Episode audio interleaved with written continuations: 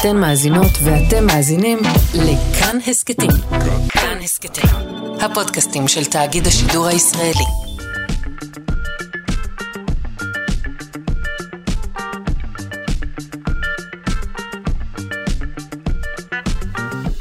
שלושה שיודעים. בוקר טוב, יום ראשון, כאן בשלושה שיודעים. כאן תרבות, 104.9 או 105.3 FM. כרגיל, נהיה כאן עם כל המחקרים וכל הפיתוחים המדעיים והטכנולוגיים וכל מה אה, שמעניין לדעת. היום אנחנו עם בשורות טובות וזהירות לגבי הפשרת הקרחונים. נשאל גם כיצד רעש מפריע לדולפינים, וכמובן תהיה פה גם הקתדרה למוזיקה. אה, ועוד פינות אהובות שלנו. עורכת אלכס לויקר, מפיקה תמר בנימין, על הביצוע הטכני אלון מקלר, אני שרון קנטור. מזכירה כרגיל גם את השידור החוזר שלנו בשעה שמונה בערב, וגם את ההסכת ביישומון של כאן, תאגיד השידור, אה, או בכל יישומון אחר שאתם בוחרים להשתמש בו. בואו נתחיל.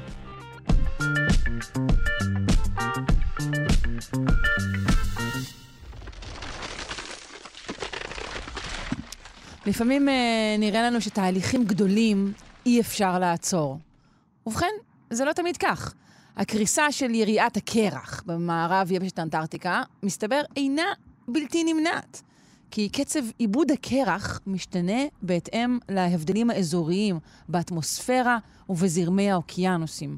אה, נלמד על כך מהפרופסור דניאל רוזנפלד, הוא פרופסור למדעי האטמוספירה במכון למדעי כדור הארץ באוניברסיטה העברית. בוקר טוב. בוקר טוב. אה, אני מודה שכשראיתי את הכותרת אמרתי, יאללה, איזה יופי, אפשר uh, להפסיק uh, להתאמץ uh, בנושא uh, uh, שינוי האקלים והנזק שאנחנו עושים, אבל כבר נגיד שהמסקנה היא הפוכה, בסדר? בדיוק. אוקיי. לא, זה, זה שלא אנשים לא ככה יתרחבו בכיסא ויגידו, יאללה, לא קורה כלום, הכל סבבה. נכון.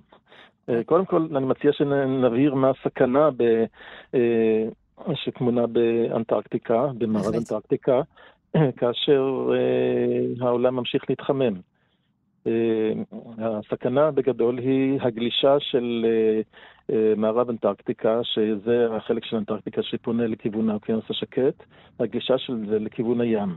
וההפשרה של הקרחונים שתביא לעליית מי ים בכחמישה עד שבעה מטר, ותביא להצפת אה, רוב ערי החוף אה, בעולם, וזה כבר קטסטרופה אקלימית מסדר גודל אחר ממה שאנחנו מכירים כיום. בוא, בוא, האם תוכל לסכם לנו את מה שקרה במערב אנטקטיקה בשנים האחרונות? כן. אה, קודם כל, צריך להבין למה הסכנה היא שמערב אנטקטיקה תגלוש.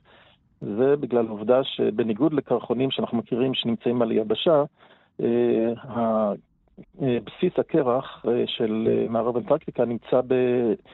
מתחת לפני הים. ולכן ישנה סכנה שתהיה חדירה של מי ים חמים יחסית, כאשר המים הולכים ומתחממים מתחמות העולמית, ותנתק את בסיס הקרחון מן הקרקע, ואז הקרחון יוכל לגלוש בפתאומיות. זה החשש הגדול ש... ש... אותו החדשות הטובות היחסיות אה, שתיארת בפתיח, אה, אה, זה החשש שאותו אנחנו, שממנו אנחנו עכשיו רואים שהוא חשש פחות. כן. עכשיו, אתה אומר קרחון ביחיד, אבל זה לא קרחון ביחיד, זה נכון? יש שם כמה וכמה קרחונים, אבל כן יש שם גם כמה קרחוני ענק שבגינם אנחנו מוטרדים במיוחד, נכון? למעשה, יש אה, כיפת קרח גדולה, והקרח אה, זורם ממנה לים בכאילו נהרות של קרח, שכל אחד אה, אפשר לקרוא לו תת קרחון, אבל סך הכל זה מאגד, אנחנו מאגדים את זה בתור כל הקרחון הגדול של מערב אנטרקטיקה, שרק כאשר הוא התמוטט, דרך אותם uh, קרחונים יותר קטנים, uh, מהים יעלו בצורה ניכרת. כן, וגם כשאנחנו אומרים יותר קטנים, מדובר בדברים שהם אה, בגודל של אנגליה, נגיד, נכון? יש, יש את כל ה... היררכיה של הגדלים, אה, כן, אבל זה כולל גם את הגודל הזה. לא, כי משהו במילה קרחון, הסיומת הזאת של ו' נ', יש בה משהו מקטין, כידוע. כלבון, אבל uh, בהחלט uh, מדובר... כן, ב... בואי נקרא לזה כיפת קרח. כיפת קרח, זה כבר נשמע uh, ככה מסדר גודל מעט יותר מאיים. אז uh, שוב, משנות ה-90 אנחנו בעצם מקבלים uh, דיווחים על, uh, על המסע של חלקים מהכיפה הזו, לא? Uh, מה שאנחנו... Uh, לאחרונה... כן, זה, זה נכון. מדדו את קצב ה... עיבוד של הקרח באמצעות אה, לוויינים שמתעדים את הטופוגרפיה של כיפת הקרח ורואים שהגבהים של כיפת הקרח הולכים ופוחתים, במיוחד באזורים הקרובים לים. בהמשך, בשנים האחרונות, פיתקו צוללות בלתי מאוישות שחדרו אל מתחת לקרח אה, באזור העיגון שלו בקרקע הים ותיעדו את, אה, את הנסיגה של נקודת העיגון שהיא משאירה אה, עקבות בקרקעית הים, כמו קווי חוף עתיקים, אז קווי עיגון עתיקים, שאפשר אה, לעקוב אחרי הגיל שלהם, וראו שנקודת העיגון אה, של הקרח הולכת ונסוגה. בשל ההפשרה באמצעות מי ים חמים שמגיעים לשם, אבל קצב ההפשרה היה מאוד בלתי אחיד, ולא היה מובן מה קובע את קצב ההפשרה הזה. והממצא הנוכחי הראה שקצב ההפשרה קשור לטמפרטורת מי הים אה, שמגיעה אה, לחזית הקרח וקובעת את אה, קצב ההפשרה הזה. וטמפרטורת מי הים הזאת נקבעת לפי מזג האוויר המקומי, עד כמה הטמפרטורות באופן מקומי עולות או יורדות. ויצא שמשנת, אה, אה, בעשור הקודם אה, הטמפרטורות היו חמות יחסית וההפשרה הייתה מהירה, ובשנים האחרונות יותר הייתה עצירה בעליית הטמפרטורה ואפילו קצת התקררות שם באופן מקומי, ולכן קצב הנסיגה נעצר יחסית. איך אנחנו מסבירים את זה בעצם? כלומר, בהקשר של, של אם אנחנו אומרים שיש קשר לפעילות אנושית. אה, רגע, לפני זה אני רוצה להסביר את הנקודה. אה, כלומר, זה, מכאן אנחנו לומדים שקצב הנסיגה הוא תלוי רק בקצב ההפשרה המקומי, ואין כאן מרכיב של גלישה אה, של כל הקרחון, שאותה כבר אי אפשר למנוע על ידי עצירת ההתחממות. Mm, okay. כלומר, אה, כאן יש לנו חדשות טובות, שבעצם עדיין אין לנו את הדינמיקה הזאת אה, של, שבה אה, התחלנו תהליך בלתי ניתן למניעה, לא משנה כבר מה שנעשה עם הטמפרטורה העולמית. כלומר, זה פותח לנו פתח של תקווה שאם נעצור את ההתחממות, נעצור את ה... אנחנו לא נגיע לגלישה קטסטרופלית, כי התהליך הזה, שהבלתי הפיך, עדיין לא התחיל. ולכן אנחנו צריכים אה, במשנה מרץ לעצור את ההתחממות העולמית, אה, על מנת שלא נגיע למצב שחששנו קודם שהוא כבר התחיל, והחדשות הטובות שהוא עדיין לא התחיל ועדיין לא מאוחר מדי בלמנוע את הקטסטרופה. של גלישת כיפת הקרח. אוקיי, okay, כלומר, לסיכום, אנחנו עדיין לא המצב הבלתי הפיך, אבל מה שזה אומר זה שכן יש אה, לשנס מותניים בינלאומיות בנושא הזה. כלומר, אם uh, הייתה חסרה לנו עוד סיבה אחת uh, לעצור את ההתחממות, הרי יש לנו אותה עכשיו. כן, שזה עדיף על פני uh, שיח של uh, חוסר תקווה, שדווקא מביא ל- לייאוש, אני חושבת, מעבר לממצא המחקרי. זה נותן לנו מוטיבציה נוספת. כלומר, אנחנו לא צריכים להגיע למצב, אוקיי, אנחנו uh, פספסנו uh, את ה... אה, את הרכבת, עכשיו כבר אה, אה, התהליך בלתי הפיך, ונהיה פטליסטים ונגיד, אוקיי, כבר לא משנה, נמשיך לחמם את העולם ונשרוף עוד דלק ולא נחשוב על המחר, כי זה כבר הכל אבוד. זה ממש לא כך. אפשר יותר, יותר נכון להמשיל את זה למצב של נניח מישהו שפספס את היציאה בכביש הראשי, את האקזיט, ואז הוא מתרחק מהיעד שלו. ואז מה, מה הוא יגיד? אוקיי, פספסתי, עכשיו נמשיך לנסוע בכביש הזה לעד ונמשיך להתרחק יותר ויותר, או ניקח את היציאה הבאה ונחזור ליעד. אמ, אתה יודע, תלוי מה היעד, אבל כן, בהחלט, אני איתך באנלוגיה הזו. היעד הוא מק- הוא חיים. היעד הוא המשך החיים האנושיים הנסבלים אה, על פני. הפלנטה שלנו. כן, כן.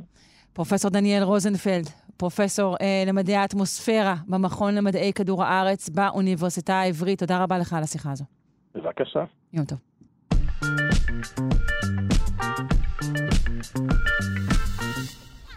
וואי וואי, כמה רעש אנחנו עושים, אה, זה ידוע. אה, זה מפריע גם לנו, כמובן, אה, בעיקר למי שרגיש ל- לרעש. אה, אנחנו כבר קוראים אה, הרבה על ההשפעה אה, של כמות הרעש של התפקוד שלנו, אבל לא רק אנחנו. אה, רעש שנוצר על ידי בני אדם, שהולך וגובר בעשרות השנים האחרונות, לא, זה לא נדמה לכם, מקשה על דולפינים לתקשר ביניהם ולשתף פעולה.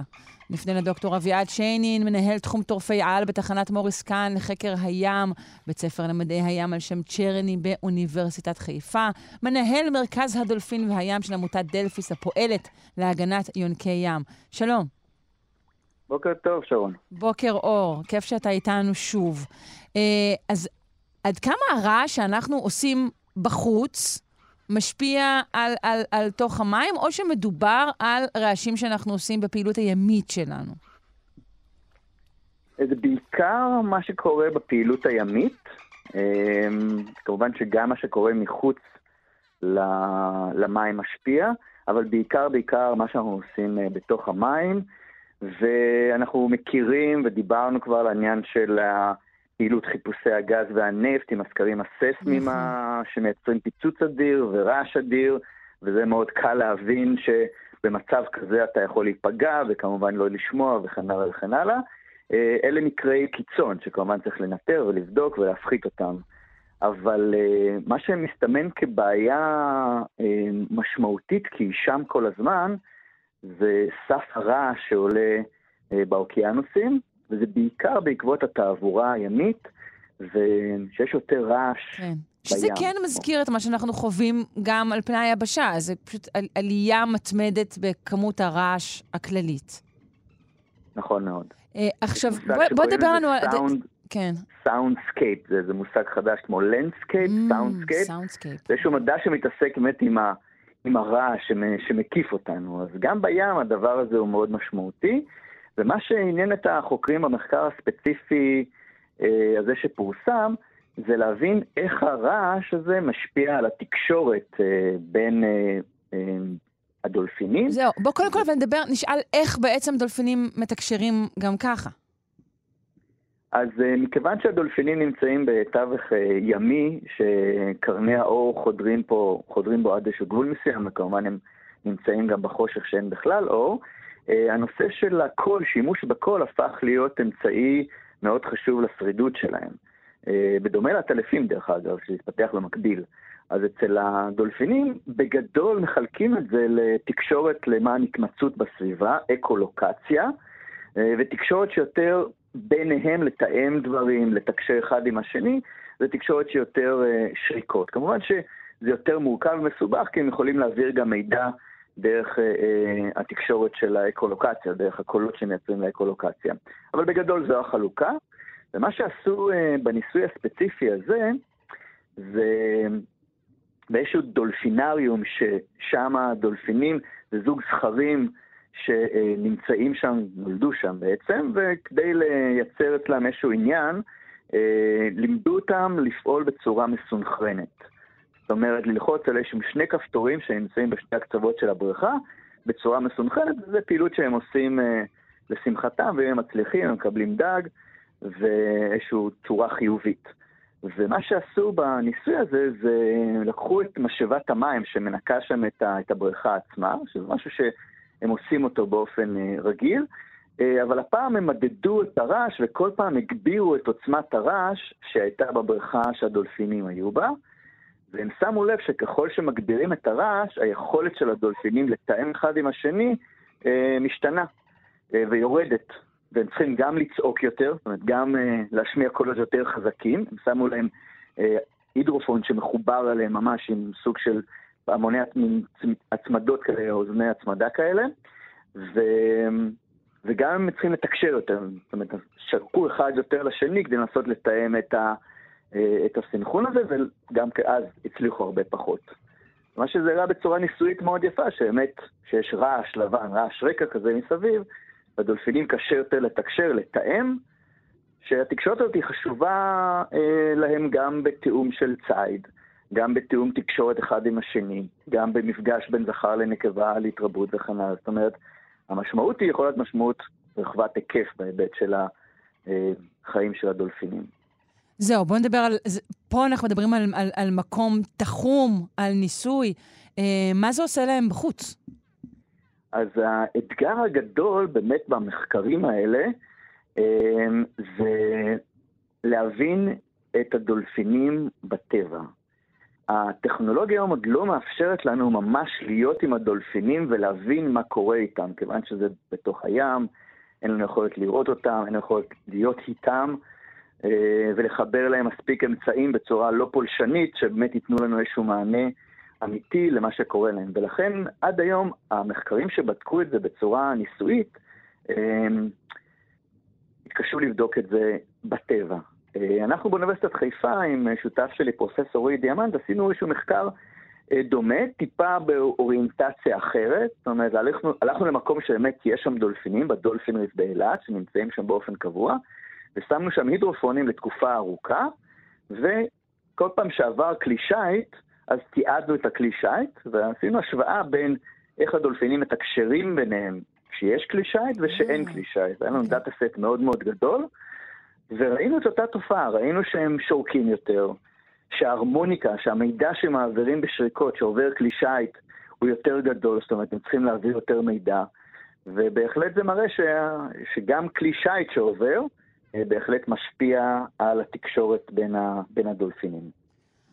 וכמובן שתקשורת היא לא רק תקשורת, כלומר ברבות הזמן זה יכול להשפיע על התנהגות, התנהגויות שלהם גם באופן עמוק יותר, נכון? כן, בהחלט. זאת אומרת, אה, התקשורת היא, בעלי חיים מאוד אינטליגנטים, וחיי החברה ביניהם זה משהו עיקרי בשרידות שלהם, ולכן ברגע שקשה יותר לתקשר, אז כמובן שפחות מידע עובר, נוצרות בעיות. אנחנו יכולים כמובן להשליך את זה, מה שאני לא אוהב לעשות, אבל הפעילות שלנו בעיר הרועשת, ולנסות להעביר מסרים שאתה נמצא אה, בפאב רועש או בדיסקוטק, והיכולת שלך באמת לתקשר, אה, אם זה החיים שלך, אז בהחלט זה מייצר בעייתיות בשרידות בשורה התחתונה. כן, בדיוק. נכון, אנחנו באמת לא אוהבים להשליך, אבל זה הזמן להזכיר שרעש, כמובן, מעבר למתח נפשי, באמת סתם, אחי, אני לא שומע אותך, אה, מסתבר שהוא משפיע אצל בני אדם גם על בריאות הלב, למשל. אה, אצל דולפינים אנחנו עוד לא יודעים אה, מה נכון מאוד. בכל מקרה, ידוע שכשדולפינים הם בסטרס, בלחץ, אז הם משמיעים יותר קולות. זאת אומרת, זו תופעה שכבר ראו אותה במגוון סיטואציות שלא קשורות לרעש. אז באמת יכול להיות, מה שאנחנו רואים פה, זה שהרעש מייצר לחץ, באמת הם מתקשרים יותר כי הם בלחץ. זאת אומרת, ללא קשר לזה שמנסים להעביר יותר מידע וכן הלאה וכן הלאה, זה יכול להיות ברמה הפשטנית הזאת, שאנחנו מכירים את זה גם אצלנו. מה הסיכוי להפחית את, אה, את רמת הרעש הזו, באמת אה, לאכוף אה, את, את נושא הפעילות הימית? אז נושא הרעש כ, כזיהום הוא נושא מאתגר, כי קשה למדוד אותו, הוא משתנה בהתאם למרחק. חשוב שיהיה בי אינדיקטורים טובים להבין את המשמעות שלו. ולכן זה אתגר. זאת אומרת, בגדול מה שצריך לעשות זה להפחית רעש, ככל שניתן. כן. וזאת אומרת, זה, הטכנולוגיה צריכה להתקדם לשם, שהכלי שיט יהיו יותר שקטים. אם אנחנו עושים עבודות מתחת למים שאין ברירה וצריך לייצר רעש, אנחנו מייצרים מיסוך, עושים את זה על ידי מסך של בועות אה, מים, אה, בועות אוויר mm, שמייצרות אתה אומר, כלומר, על, על הפחתת פעילות אין מה לדבר, האדם לא הולך אחורה בעניין הזה, אבל כן אולי ילכו קדימה בטכנולוגיות של הפחתת רעש מהכלים הקיימים. אנחנו עדיין לא מתייחסים לרעש שאנחנו מכניסים אל תוך הים כזיהום. ברגע שזה יוגדר ויהיה ברור, אז יש הרבה כלים שאפשר לעשות את זה בהפחת של מניעה, בעניין של אה, טכנולוגיה, בעניין של איך אני תוחם את הרעש לאזור מסוים וכן הלאה וכן הלאה, פשוט זה עוד לא במודעות. אני חושב ששלב ראשון יהיה באמת להבין שרעש מייצר בעייתיות בים, עכשיו אוקיי, אנחנו צריכים להתמודד עם זה, ויש הרבה דרכים להתמודד עם זה בפועל. טוב, אה, נקווה ששיחתנו זו אה, ת, תפער צוהר קטן אה, בעניין המודעות הזו. דוקטור אביעד שיינין, מנהל תחום טורפי-על בתחנת מוריס קאן לחקר הים, בית ספר למדעי הים על שם צ'רני באוניברסיטת חיפה, מנהל מרכז הדולפין והים של עמותת דלפיס, הפועלת להנ... להגנת יונקי ים. אני מודה לך מאוד. תודה רבה. ביי.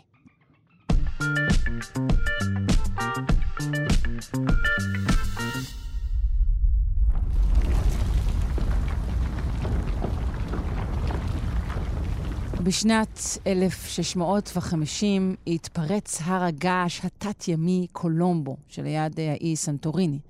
ההתפרצות אה, נגרמה כתוצאה מעלייה במאגרי המגמה מתחת לפני השטח של ההר. אבל כעת, אומרים החוקרים, שהסלע המותח והחם בתא המגמה מגיע לנפח דומה. מה ההשלכה על הנופשים ב-150 השנים הקרובות? אה, נפנה לפרופסור שמוליק מרקו מהחוג לגיאופיזיקה באוניברסיטת תל אביב. שלום. בוקר טוב לך ולמאזינים. בוקר אור. אה, קודם כל, אה, האם תוכל לתת קווים לדמותם של הרי געש תת-ימיים? הרי געש תת-ימיים צוברים מגמה. מגמה. ההגדרה של מגמה זה סלע מותח. אז mm-hmm. אה, הם נוצרים מעל אזורים ש, שבהם מצטבר סלע מותח, אה, או בגלל עלייה בטמפרטורות, או בגלל ירידת לחץ, אה, והם הולכים וגדלים. ההבדל ביניהם להרי געש יבשתיים זה שהם נסתרים מהעין. כן. מבחינתנו. כן, אז מה אכפת לנו? שיאגרו שם מה שהם רוצים. נכון, לא אכפת לנו אם זה נמצא באמצע האוקיינוס, אבל אם זה נמצא בקרבת אזורים מיושבים, זה יכול לגרום, ל...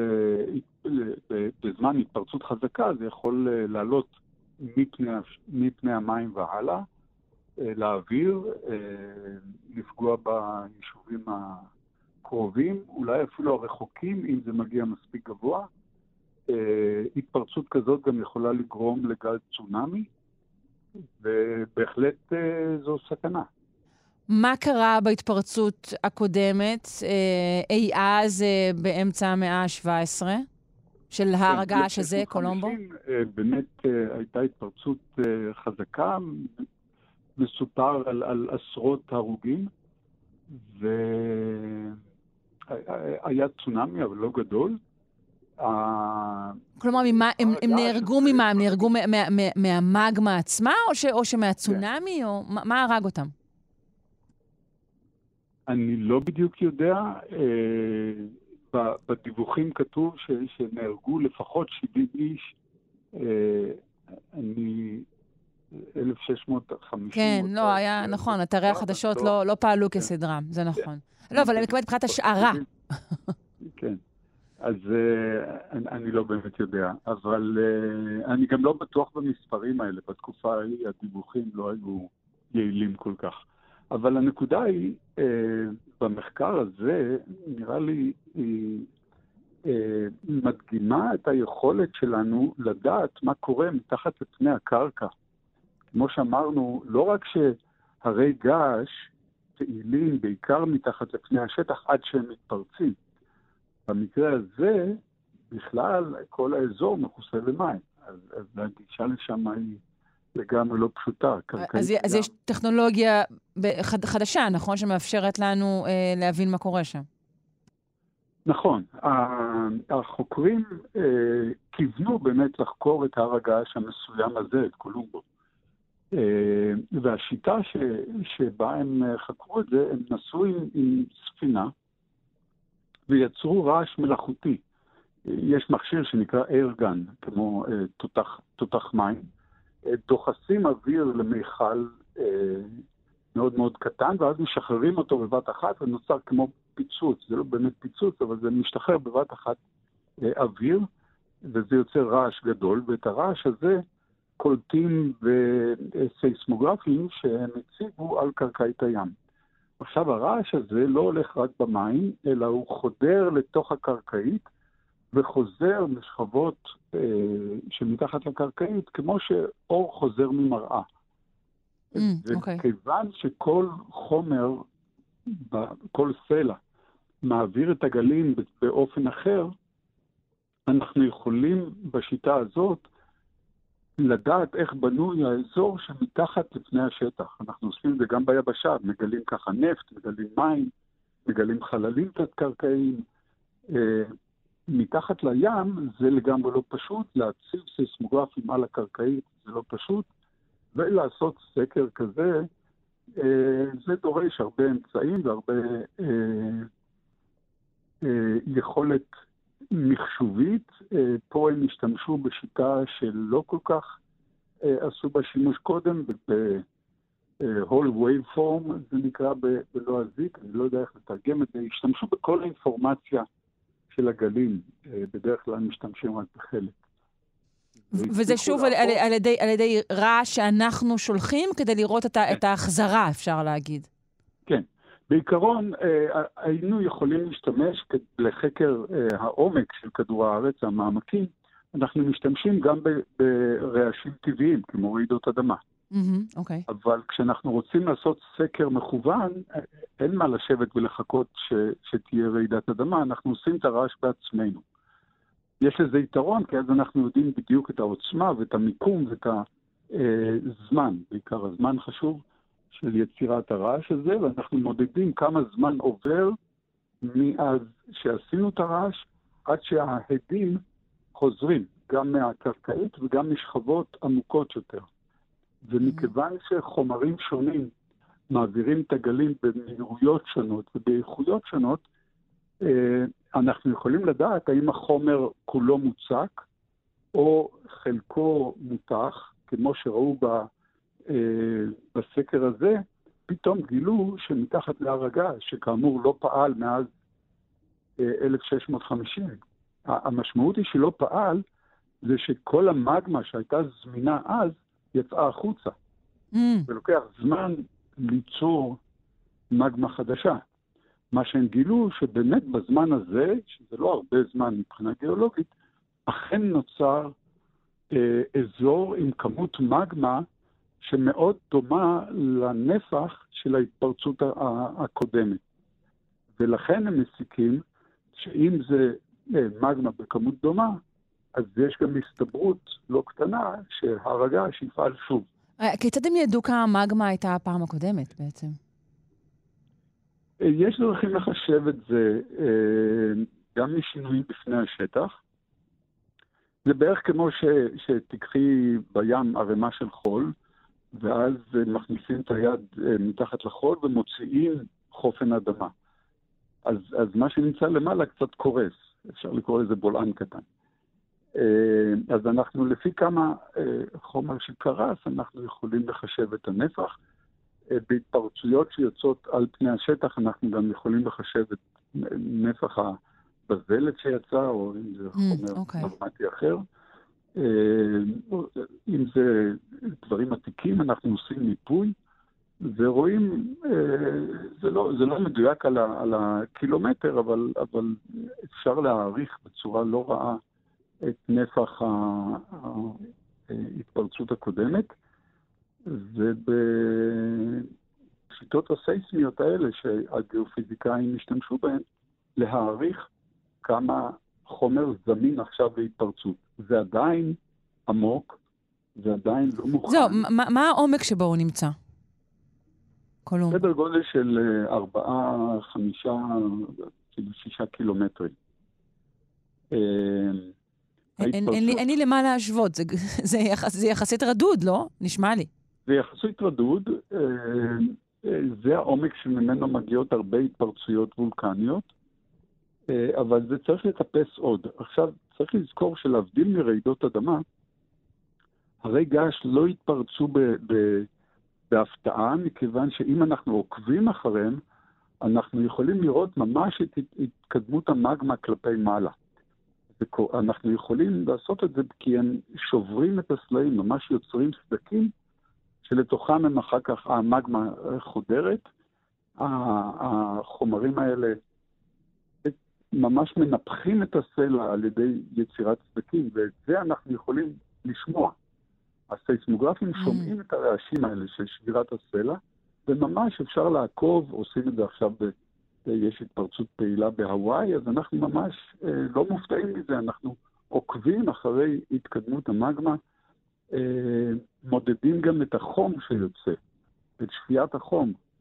אז זה בערך כמו שאם נחמם תנור מתחת ל, לרצפה, אז אנחנו על הרצפה נרגיש את העלייה בטמפרטורות. אפשר למדוד את הטמפרטורות, רואים עלייה, רואים התנפחות של האזור, אה, מרגיש, שומעים את הרעשים, והר הגעש לא יתפרץ בהפתעה. אנחנו נדע אה, לפעמים שבועות, לפעמים חודשים קודם, שהנה זה הולך להגיע, ככה שאם יהיה צורך אפשר יהיה לפנות אנשים או להזהיר אותם. אה, למנוע את זה לא נוכל. אז לא היית נמנע מנופש בסנטוריני בעשרות השנים הקרובות? ממש לא. זה לא ברמת סיכון אה, לבני אדם, אה, מכיוון שעוקבים אחרי הר הגעש הזה, הוא לא יפתיע אותנו. אנחנו אה, בשיטות גיאופיזיות יודעים לעקוב אחרי התפרצויות, ואנחנו, אה, הוא עכשיו בפוקוס, מה שנקרא. אנחנו שמים עליו עין. לא כן, כן, לא יפתיע. אוקיי. סעו לטייל. אה, יפה. בהמשך לאייטם הקודם, רק שאלה קטנה, אה, שוחחנו ממש לפניך על, על רעשים ימיים שהם מפריעים לאוכלוסיית היונקים, ספציפית דולפינים. כן. עד כמה השיטות שתיארת מייצרות בעצם עוד בלגן גדול ורעש מתחת לפני המים, או שזה זניח לחלוטין? זה כנראה לא זניח, יש באמת... אה, דיונים בקהילה, אה, גם בקהילת חובבי הטבע, ורוב הגיאולוגים והגיאופיזיקאים הגיעו למקצוע הזה כי הם חובבי טבע. אה, כן. הם רוצים להבין משוכנע. את הטבע. ובאמת סקרים גיאופיזיים בים עושים רעש, והרבה סקרים אה, מסודרים ככה, או, או מאורגנים ככה, כדי להפחית את ה... פגיעה בעולם החי. אנחנו יודעים שבעיקר יונקים ימיים מושפעים מרעשים, אבל אה, אני יודע שגם דגים אחרים, אה, גם יצורים אחרים, כמו דגים, כן, בוודאי. אה, מושפעים מרעש, בהחלט משהו שצריך להתחשב בו. אה, לא יודעים על זה עדיין מספיק, אבל לגבי היונקים האלה, זה שזה בעיקר דולפינים, לוויתנים, אה, אנחנו יודעים שהם משמיעים קולות ומתקשרים ביניהם, אז זה די טריוויאלי שהרעש שאנחנו עושים יפריע להם. אה, אולי אני אחדש, אבל גם דגים, אה, למשל בשונית, הרבה דגים משמיעים קולות. אנחנו, יש את כן, הדגים אינם שקטים כמו, כמו שנדמה לנו, כן. אבל נכון. הדגים לא שותקים. כן. הרבה דגים משמיעים קולות, וכנראה ש... האמצעים האקוסטיים האלה משמשים לתקשורת, אז בהחלט אה, סקרים גיאופיזיים עלולים לפגוע בזה. אנחנו עוד לא יודעים בדיוק כמה ואיך אה, להתנהל עם זה, אבל משתדלים להפחית בזה כמה שיותר. יופי, טוב לשמוע. פרופסור שמוליק מרקו מהחוג לגיאופיזיקה באוניברסיטת תל אביב, תודה רבה לך. תודה לך.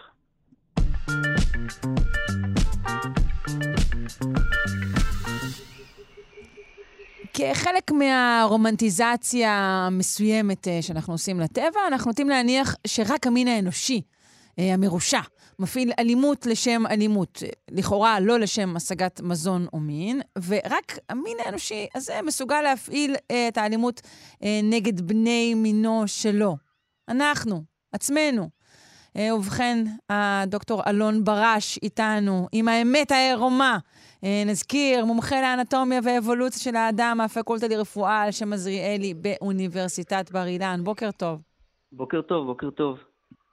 אז מה, אנחנו? רק אנחנו כאלה מרושעים, או שיש עוד כמה? האמת העצובה שלו, שבאמת אה, אנחנו מכירים אלימות בהרבה מאוד בעלי חיים. אה, אני רק אגיד, המושג הזה של אלימות, מה שנקרא interpersonal violence, אלימות בין פרטים מאותו מין, נחשבה באמת כמשהו ש, שבני האדם המרושעים, כמו שאמר, זה רק המצאה שלנו, אנחנו עושים מלחמות, אנחנו אנשים רעים. אה, והאמת היא שאחד המחקרים, הדברים העיקריים שיצאו במחקרים של ג'יין גוטו, שחקרה את השימפנזים באפריקה, זה שגם הם מאוד מאוד אלימים ומאוד מאוד אגרסיביים אחד כלפי השני, וכלפי בעלי חיים אחרים. אה, וזה מתקשר לכל השאלה של מה זאת האלימות הזאת, מאיפה היא הגיעה. אה, השימפנזים הם, הם טריטוריאליים, הם גם מסודרים בהיררכיה שבהם יש זכר שליט ו, ובאמת קבוצות יחסית גדולות, ואז אנחנו רואים שם באמת לפעמים ממש מסעות אלימות וציד שהם מפגינים אחד כלפי השני וכלפי קופים אחרים אפילו. באותה קבוצה, או שזה מול חבר'ה אחרים, אלה שגרים בגבעה הסמוכה? הכל, גם, אה, גם מול קבוצה נוספת שגובלת בטריטוריה שלהם, גם מול אה, קבוצות שהן אה, בתוך, בתוך תת-קבוצה שלהם, ובעיקר אנחנו רואים ציד של קופים אחרים. זאת אומרת, שימפנזים יכולים לתפוס קוף אחר, בעיקר זכרים עושים את זה, ולקרוע אותו לחתיכות, פשוט לקרוע אותו ולאכול אותו. אה, שימפנזים אוכלים הרבה בשר גם כן, ממש צדים. כן, אה, אה, רק כשאתה אומר שימפנזים, אנחנו מדברים על אוכלוסייה של זכרים, או שגם הנקבות הן אלימות? בעיקר זכרים, בעיקר זכרים שיוצאים למסעות ציד וגבולות הטריטוריה שלהם.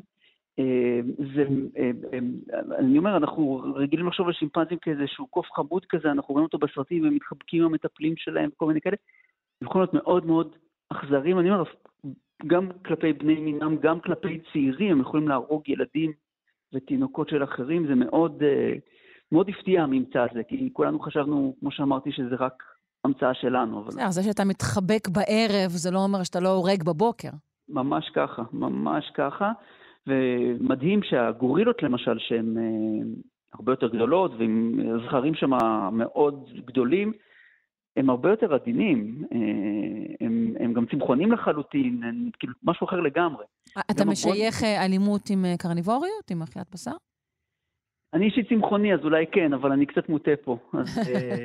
אתה אומר, לא, כרגע זה לא משהו מדעי. האם יש קופים שפותרים מחלוקות באופן חמוד יותר?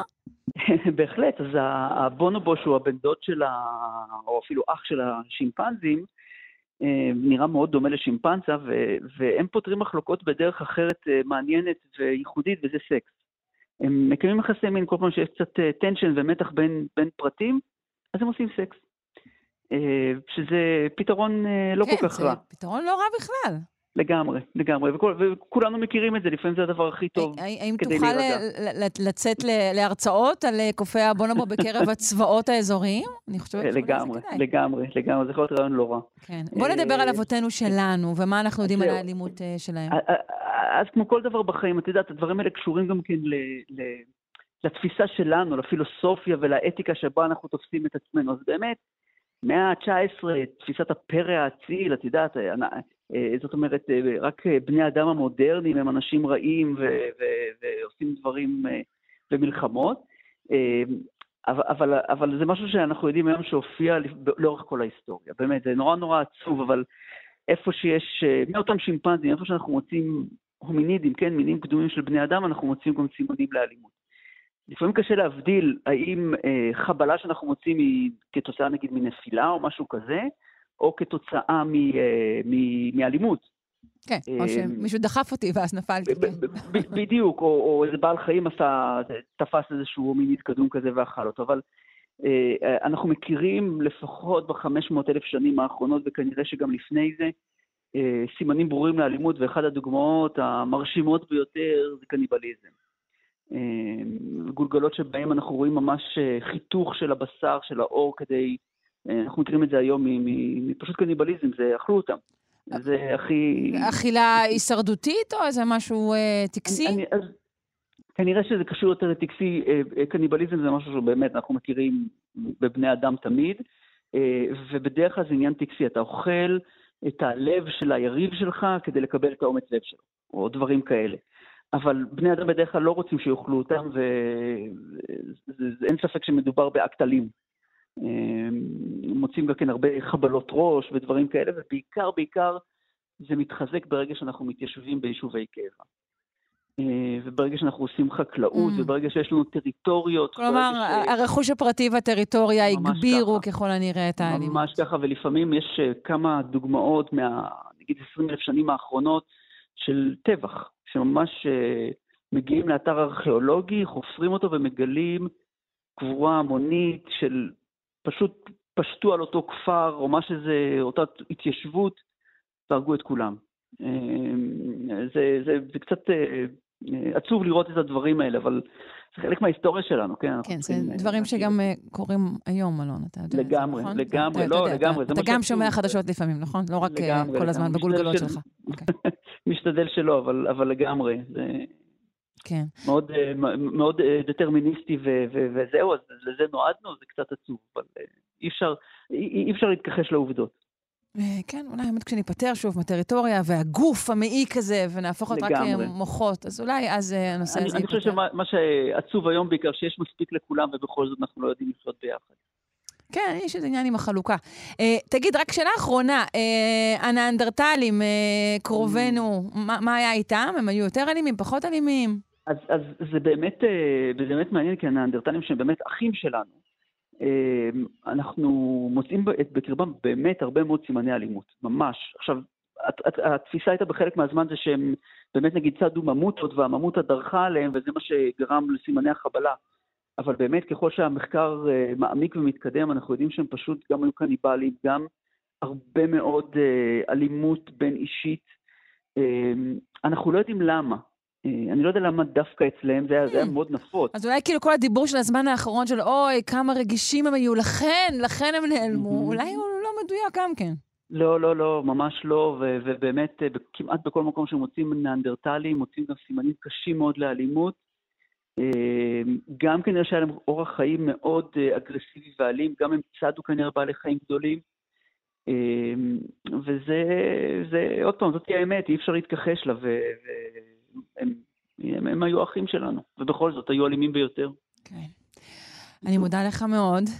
ו... בנימה אופטימית זו. בנימה אופטימית זו, נאחל לכולנו שבוע טוב, רגוע ושקט. דוקטור אלון ברש, מומחה לאנטומיה ואבולוציה של האדם, הפקולטה לרפואה שם עזריאלי באוניברסיטת בר אילן. תודה רבה. תודה, תודה. ביי.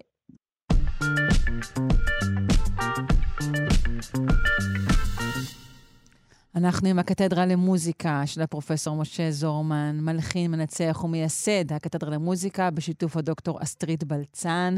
היום אנחנו רוצים לדבר על כוכב העל של תקופתנו. הוא התגלה בגיל 18 וזכה בגרמי כבר בגיל 22. הוא יכול להופיע עם תזמורות, אבל הוא תזמורת שלמה גם לבד.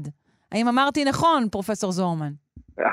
אכן, אמרת נכון, והוא מפליא גם אותי, גם את הבנות שלי, זאת אומרת, זה איזושהי תופעה יוצאת דופן, הוא היה בפסטיבל הג'אז באילת בשנה שעברה, והקסים את כל שומעיו. על מי אנחנו מדברים? נקוב בשם. בחור בשם ג'ייקוב קולייר, אני מקווה שאני מבטא את שמו נכון, mm-hmm. והוא מעלה את השאלה באופן כללי של מה אנחנו עושים עם המחשב בהופעה חיה. כי אתה מתקרב היום אה, לבמה, אני יודע, ב musical שאתה רואה בברודווי או בערב, אתה רואה מסכים מסתובבים מסביב, כמה נגנים יושבים, אבל לרוב, רוב הסאונד שאתה שומע יצא מתוך מסך של מחשב שהקליט מראש חלק גדול מה, מהסאונד. או שאתה מגיע לאיזו הופעה, עומדת גיטריסטית אחת על במה, אין לה כסף לרכוש כמובן נגנים שיעמדו סביבה, אבל המחשב תומך בה ונותן לה את כל מה שהיא צריכה מסביב, בס ותופים כן. והכל. ואז מתחילה השאלה כמובן, מה חי ומה לא חי ומה אנחנו, אנחנו יכולים לצפות במופע. זהו, השאלה היא האם, האם זה רלוונטי, מה המהות של הופעה חיה? זאת בעצם השאלה ש, שעולה מתוך הדבר הזה. כן, כי הכל התחיל באולפן הקלטות, שם פיתח המחשב אפשרויות אינסופיות של עריכה והקלטה רב ערוצית, ואז היה רצון להעביר את כל הסאונד הנפלא הזה באולפן גם להופעה חיה. ואז אתה צריך כמובן כל מיני עזרים אה, מחשביים.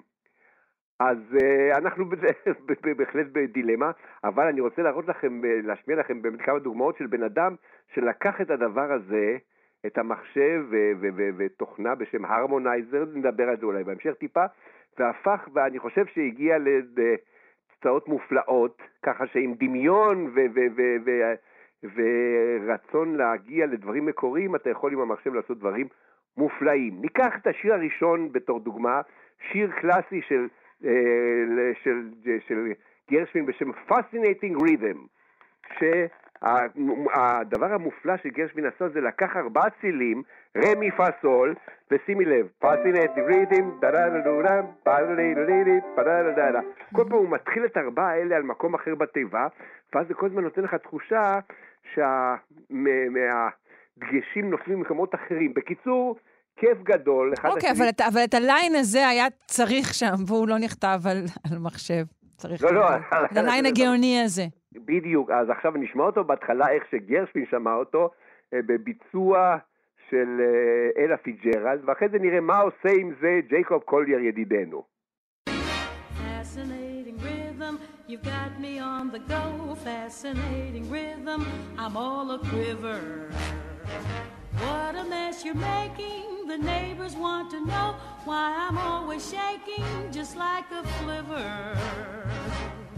Each morning I get up with the sun, start a hopping, never stopping, to find at night no work has been done. I know that once it didn't matter, but now you're doing wrong when you start to patter. I'm so unhappy. אוקיי. נו, ועכשיו בוא נשמע מה קורה כשג'קוב קלר לוקח את השיר הקלאסי הזה ומכניס אותו לתוך המחשב שלו ולתוך התוכנות שהוא משתמש בהן.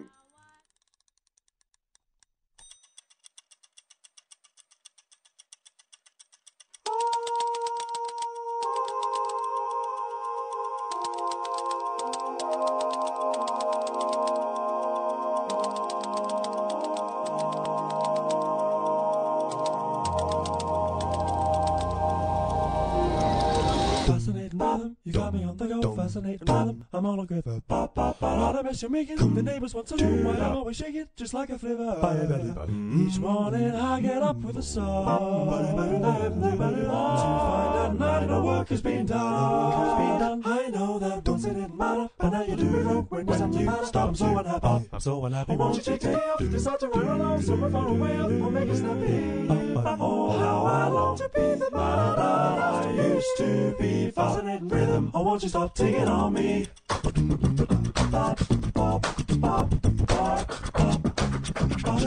Please stop digging now. Me on the go. I wanna crave, I wanna make you make it. The neighbors want to know why I'm shaking just like a flip, like a flip. Each morning I get up with a sun, I get some shine, sun to find out I know what to find. No work been done, and I know that. But זה נשמע לי די כמו קטע קלאסי של, אתה יודע, של להקות ווקאליות גדולות, זה יפהפה, כן? אבל עיקר ההבדל הוא שפשוט עושה את זה לבד. הוא עושה את זה לבד. שהוא לא צריך את אחיו בני האדם להתמודד, להתמודד איתם ועם הזיופים שלהם. הוא שר את כל הקולות האלה, הוא שר כל אחד בודד, ואז יש לו מכשיר שנקרא הרמונייזר, שמחבר, מכניס את הקול שלו לתוך הסינתיס הזה, והוא מנגן על הפסנתר את הקולות השונים, הרמוניות שלמות, ואז הקול שלו היה בודד, מתפצל. ומנגן הרמוניה שלמה, ולכן זה כל כך מדויק וכל כך כמעט בלתי אפשרי לביצוע באופן חי, ולכן, אבל עם הדמיון שלו והכישרון האדיר שלו, זה יוצא נפלא, מה אני אגיד לך?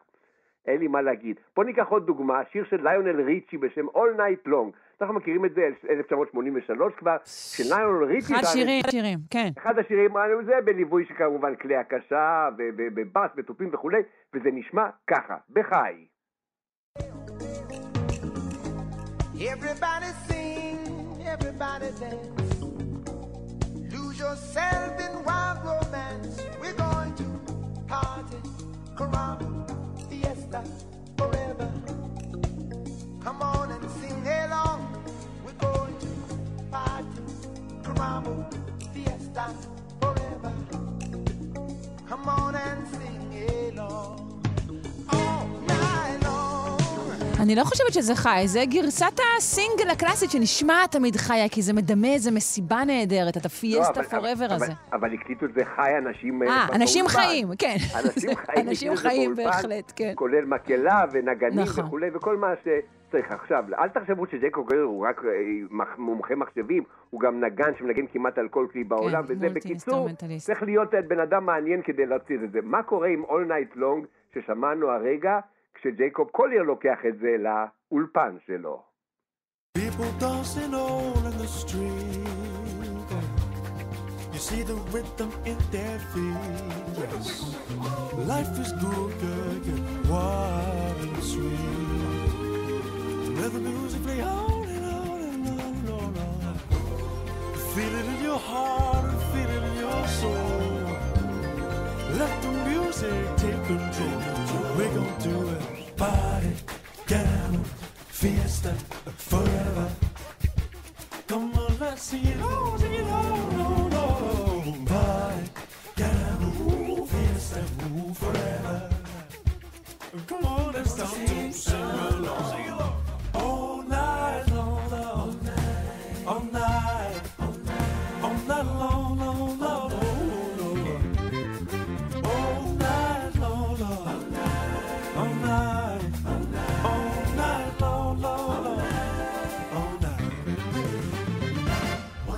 get started, you can sit יש כאן בכלל כלים חיים? נגיד יש הנשפנים כלים שמענו חיים. זה כלים חיים? בהחלט, יש כלים חיים, יש סקספונים, יש כלי הקשה, יש כלי, כלי נשיפה. אני מציע לחבר'ה ששומעים את התוכנית שיגשו ליוטיוב וישמעו את הדבר הזה, אז רואים גם בהקל... את ההקלטה החיה שבה יש נגנים חיים שמשתתפים. אבל הרעיון המרכזי הוא באמת שאנחנו כנראה בתהליך בלתי הפיך. המחשב נכנס ככלי משמעותי ביותר לעולם המוזיקה העכשווית. מה שאנחנו צריכים עכשיו רק לקוות זה שהמוזיקאים ידעו לנצל אותו באופן שיעשיר את עולם הצעירים שלנו, ולא רק ינצל אותו כדי לחסוך בתשלום לנגנים חיים על במה, שזה לפעמים מה שקורה בשטח, שזה יכול לעצבן מאוד את, ה, את, את, את המוזיקאים. תראה, אני חושבת שזאת לא, אמ, זה לא זניח, העובדה שג'ייקוב קולייר הת- התחיל ורוב תהילתו הוא קנה מקאברים. כלומר, הוא לקח מהמאגר שכבר נכתב כן. אה, ונוצר, ו- ומשם הוא עבד. אה, אפשר לראות בזה גם משהו סמלי. הוא לא יצר חושב. מההתחלה דברים משלו. לא, לא, לא, לא, לא, לא. כל מה ששמענו היום זה דברים שכבר היו קיימים ומוכרים ואהובים, והוא אומר לנו, בוא נראה מה, מה קורה איתם כשאנחנו מוסיפים להם את הנדבך החדש של המחשב ושל ההרמונייזר, כל מיני העזרים הטכנולוגיים שיכולים לפתוח לנו עולם שלם וחדש של סאונד. וזה עולם נפלא, מה אני אגיד לך, אם יודעים להשתמש בו כמו ג'וייקוב קלייר, אני בעד.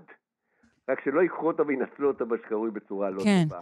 אה, נוסיף שנספר שבדיוק על המהלך הזה יש אה, כתבה גדולה בשער של אה, גלריה, כתבה של בן שלו מגלריה נכון. מוסף הארץ בסוף השבוע האחרון, שמתארת את כל ה... מה את חושבת שהביא לי את הרעיון לפינה הזאת? אה. שפתחתי את מוסף הארץ וראיתי, וואו, אם בן נכון. שלו כותב כתבה שלמה, סימן שגם התוכנית הצנועה שלנו יכולה להיכנס לתוך ה... היתרון שלנו, אנחנו משמיעים אה, קטעים תוך כדי.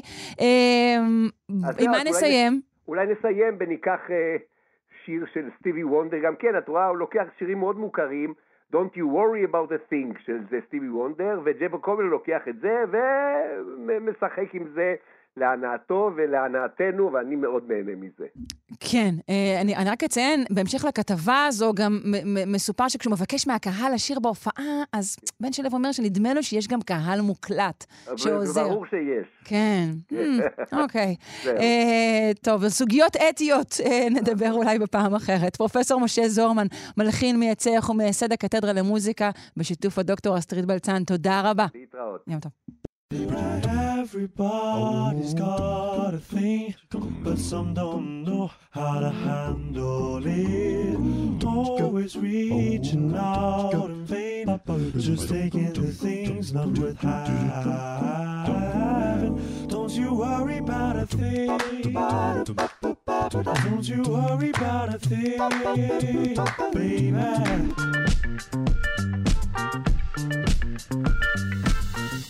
אה, המחקר הבא הוא אולי לא יהיה לגמרי PC, אבל נדבר עליו בכל זאת, בשם המדע. אה, טיפול תרופתי עובד בדרך כלל על רוב החולים, אבל לא באופן גורף.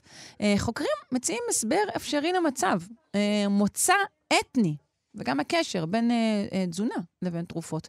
נפנה לפרופסור זוהר כרם, חוקר ומרצה במכון למדעי המזון באוניברסיטה העברית. שלום. בוקר טוב, בוקר אור, מה שלומך? אה, מצוין הבוקר. יופי, אני שמחה מאוד לשמוע. אמ, מה, מה זאת אומרת הקשר בין תרופות למזון? אני רואה שאתה אומר שלא לא מספיק חוקרים את הקשר הזה. מה באמת הקשר? נכון, אה, אז כשאנחנו, יש שני דברים שאנחנו כולנו יודעים. אחד זה שכתוב לנו תמיד, וברגע שאנחנו מגיעים לרופא, אומרים לנו איזה תרופות עם איזה תרופות זה לא מתאים. וגם אנחנו מכירים את זה שכתוב על התרופה לקחת אחרי אוכל, אבל אנחנו לא יודעים איזה אוכל, כמה אוכל, מתי אוכל, בשר, חלב, דגים. אה, כי לא הנחנו שיש קשר לאיזה אוכל, אלא רק לריפוד הקיבה, ככה שזה לא יפגע לנו ככה ישר נכון. בריריות העדינות שלנו. נכון, ואפילו זה, זה הנחה למה רק בקיבה, כלומר, אה, וכן הלאה. אה, אחרי הקיבה, דווקא במעיים יש לנו חלבון, אנזים, שאמור לפרק כל חומר זר שמגיע אלינו לגוף. בהקשר הזה תרופות הן חומר זר, וכל חברות התרופות מפתחות את התרופות בהתאם ליד, לידע שלהם כמה מהחלבון הזה יש וכמה הוא יפרק כל תרופה חדשה. אוקיי. ו... אבל מן הסתם נעשה- המעיים של כולנו לא זהים, נכון? נכון, אבל לכולנו יש את החלבון הזה במעיים, אה, ונכון, המעיים שלנו לא זהים, ו...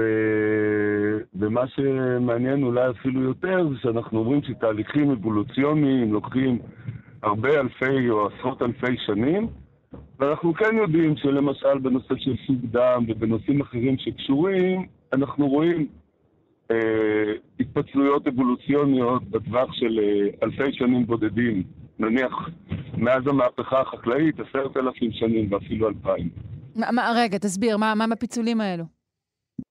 אה, יש מוטציות, וחלק מהמוטציות, אה, כמו שאנחנו מכירים מהקורונה, כולנו היום יודעים מה זה מוטציה, אז חלק מהמוטציות הן מוטציות שלא מאפשרות ליצור להמשיך לחיות, וחלק מהמוטציות הן בסדר, והן מחזיקות מעמד באבולוציה, ויש אפילו שנותנות אה, יתרון אבולוציוני. אנחנו רגילים לחשוב שהתהליך הזה של מוטציה שנותנת יתרון אבולוציוני ומתפשטת באוכלוסייה הוא תהליך של הרבה עשרות אלפי שנים. ובהקשר של תזונה, או בהקשר של הגוף שלנו, אנחנו רואים שיש מוטציות שקרו באלפיים או חמשת אלפים שנים. אוקיי. אה, עכשיו, איך אנחנו בעצם יכולים לקשור את הדיאטה שלנו, את התזונה שלנו, להשפעה של, של תרופות אה, על, על בני האדם? מצוין, אז נחזור לזה שאומרים לנו אחרי האוכל, וכמו שאמרת, אנחנו כולנו מניחים שזה קשור לרביעיות ולקיבה, אבל זה לא נכון, כי זה הרבה יותר קשור ל... יש כאלה תרופות, הן לא הרוב. הרוב זה כאלה שקשורות למסלול אה, ספיגה ופירוק שלהם בגוף אחרי הקיבה. ואז אנחנו מדברים על המסלול של המעיים. וכמו שאמרתי, חברות הפרמצבטיקה, חברות התרופות יודעות את זה, ומייצרות בהתאם. כן. מה שהן עושות, הן אומרות כולנו אחד, ואותו מערך שיש אצלנו כדי לפרק חומרים זרים הוא זהה אצל כולנו, וזאת ההנחה, הנחת היסוד כבר המון המון שנים, ובינתיים מגלים שיש עוד ועוד ועוד חומרים במזון שגם הם משפיעים עלינו כמו תרופות. ואת יודעת, כולנו מכירים את הלשתות את התה הזה ולאכול את המרק ההוא כדי להחלים ולשתות ולאכול פטריות ולהוסיף לאוכל איזשהו תבלין. כן, דברים שעל פי רוב מגיעים או מעולם, אה, מה שנקרא, אה, העולם העממי למיניהו, תרופות סבתא, או מרפואה משלימה בעיקר. נכון, אבל יש לכולנו לפחות את התחושה המאוד מאוד חזקה שזה עובד על המטרות, ה... על אותן מטרות שהתרופות עובדות. כן, יש סיבה לכך ואנחנו- שתרופות סבתא הפכו לתרופות סבתא, ככל הנראה. נכון, נכון, נכון, ניסיון של uh, המון. Uh, אז אנחנו החלטנו לבדוק, הנושא הזה של איך תרופות ומזון עובדים ביחד הוא כל כך מורכב שפשוט קשה לגשת אליו. ואנחנו החלטנו לנצל את זה שיש היום מאגרי מידע ואלגוריתמיקה וחוכמת ומחוכ... uh, למידת מכונה וכן הלאה. וניגשנו למאגר גנטי שפתוח לכולם, ובו מצוין רק המוצא האתני. אנחנו לא יודעים אם זה גבר או אם זו אישה. אנחנו לא יודעים איפה אותו בעל מוצא אתני חי. וגילאים, מצוין. אתם יודעים? גם לא? גם לא. אנחנו יודעים מעט מאוד חוץ ממוצא אוקיי. אתני, ואת כל הגנטיקה של אה, אותם אנשים. אה, אוקיי, מה זה גזען נקודה קום? אוקיי.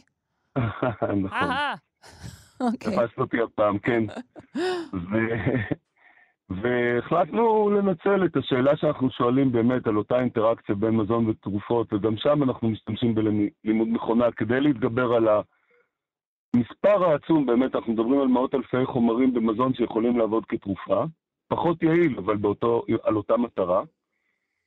וחיכינו שהמחשב אה, יתחיל להוציא לנו איזשהו ניתוח, האמת, בלי ציפיות גדולות מדי, בגלל ה-PC, הקטנו את הציפיות הכי נמוכות.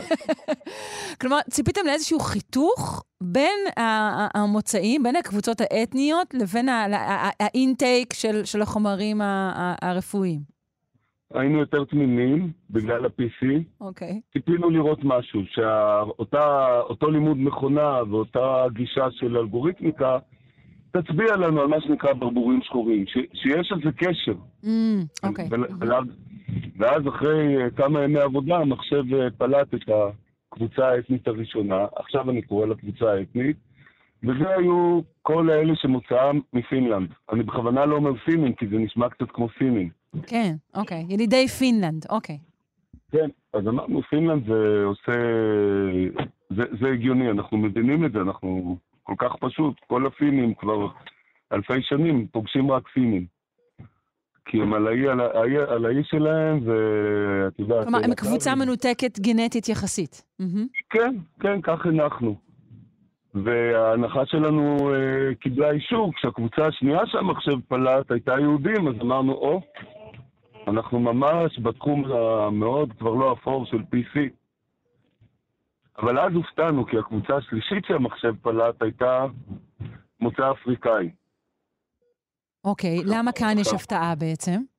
כי אפריקה, כלומר, מה זה בדיוק אפריקה? איפה זה נמצא אפריקה הזאת בהקשר של אה, נניח עשרה מיליון יהודים בעולם, ואני אפילו לא יודע להגיד לך כמה אנשים בפינלנד יש. אוקיי. אפריקה זה סיפור שונה לגמרי. דרום אפריקה, חופי הים התיכון של אפריקה, מערב אפריקה, מזרח, מרכז, את יודעת, זה עצום. כן, מה זה זה הרבה? יותר אה, רבגוני. אוקיי. ו- ויש איזו התפצלות אבולוציונית שידועה שקרתה ממש ממש ממש מזמן. עכשיו, כשאני אומר שהמחשב הגדיל, אז יותר ויותר התבררה התמונה, אחר כך התגלו עוד קבוצות, שיש קבוצות של מוטציות שמופיעות אך ורק באוכלוסייה מסוימת. כלומר, אלה מפינלנד, אם אני, לא לכולם יש את זה, אבל אם אני רואה מוטציה שהיא של פינלנד, אז הבן אדם הוא מפינלנד, אפילו אם הוא לא יודע, קצת my-heritage כזה. Mm, אוקיי, אוקיי. ואז אנחנו בעצם יכולים אה, אה, לרתום או להבין שפחות יעבדו תרופות מסוג מסוים בהתאם למוטציה הזו? נכון, זאת, זאת היא ספקולציה שאנחנו כרגע עובדים עליה, או בלשון שלנו היפותזה. לא רוצה לחשוב איך ייראה מדף התרופות אחר כך, עם אה, ההתוויה ליהודים בלבד. אז, אז נכון, אבל אנחנו כבר יודעים שיש אה, קשר, אנחנו כבר יודעים שאפילו למשל בטיפולי סרטן מנסים לייסד, אה, למסס, לבסס את הקשר הזה. אה, אנחנו חשבנו בהקשר הזה, את אומרת, אני לא יודעת איך זה ייראה, אני חושב הפוך. המסלול הרגיל, כשהולכים לרופא והתרופה לא עובדת, אז הוא אומר, אוקיי, זה לא עבד, אז תנסה את זה. יש המון שאלות שלרופא אסור לשאול, האם אנחנו אלכוהוליסטים, גם, גם הרופא לא יודע מה לשאול, האם אכלת אתמול קורקום? מין שאלה כזאת, אחרי הקורקום... כן, דווקא על אלכוהול הוא עשוי לשאול, אבל קורקום הוא שואל אותי פחות, נכון. ועל הפלפל השחור אחרי הקורקום ו- וכן הלאה, והאם שתית או כל השבוע. כלומר, ואז אנחנו אומרים, ההיפותזה שלנו אומרת שיכול להיות שמעצם זה שיהיה כתוב המוצא האתני שלנו, הוא יגיד, בסבירות מסוימת התרופה הזאת לא תעבוד ונתחיל ישר ממספר 2. אה, אוקיי. כלומר, יש פה יעילות. בעצם מה שאנחנו עושים הרי בדיקות גנטיות ל- ב- בהיריון, אנחנו בהחלט מתייחסים אה, למוצא שלנו. נכון, נכון, בדיוק, אנחנו מתייחסים, והדאטה נמצא, זאת אומרת, כמו שאנחנו ניגשנו לאותו מאגר מידע, הדאטה נמצא והוא אגור בקופות החולים ובמאגרים האחרים הבינלאומיים. ועכשיו, הקשר לתזונה הוא, למה אנחנו בכלל חוקרי מזון ותזונה? הקשר לתזונה הוא שהדיאטה במשך אלפי השנים האחרונות הייתה מאוד מאוד... אה, אפשר לראות שהקבוצות שמצאנו הן קבוצות של דיאטה מאוד מאוד מוגדרת. כלומר, אם נחזור רגע לאלה מפינלנד, אז דיאטה שמבוססת על המון אוכל, מזון מהחי, מעט מאוד מזון מהצומח, וטרי בכלל אין על מה לדבר שם. אם אנחנו הולכים ליהודים, אז אנחנו יודעים שהדיאטה שלנו היא שוב מאוד מאוד אה, מיוחדת לנו. אתה מדבר על- על- על- על ישראלים? או... לא, יהודים, לא היה יהודים. כתוב שם אה, אוקיי. כתובת. כן, יהודים שאכלו כשר אה, אוקיי. ב-3,000 מהמם. שנים האחרונות. ואם אני חוזר לאפריקאים, אז שם אנחנו מדברים באמת אה, באופן גורף והכללה, ושוב, זה, זה, זה לתחום של בין ספקולציה להיפותזה. אז באפריקה יש המון מזון טרי. כן. לאיפה, אה, אנחנו צריכים לסיים, פרופסור כרם, לאיפה אתה נכון. רוצה לקחת את זה, את, ה, את, ה, את המחקר ואת תוצאותיו בזמן הקרוב? אז בזמן הקרוב אנחנו עובדים על אה, עוד מטרה בגוף שלנו, שאנחנו יודעים ללמוד אותה בלימוד מכונה, מכונה והיא קשורה לריפוי של סוכרת. ואנחנו ניסינו להתמקד בתופעה מסוימת, לא כלל התרופות, אלא ריפוי של סוכרת, שגם שם יכול להיות הקשר גנטי, ואנחנו Mm. עושים את אותה גישה, בדיוק באותה גישה, לימוד מכונה, מאגרי מידע גנטיים, וזה מתחיל להצביע גם, אבל אני מוקדם מלומר. מעניין מאוד. אני מאוד מודה לך, פרופסור זוהר כרם, חוקר ומרצה המכון למדעי המזון באוניברסיטה העברית. להתראות. להתראות, תודה.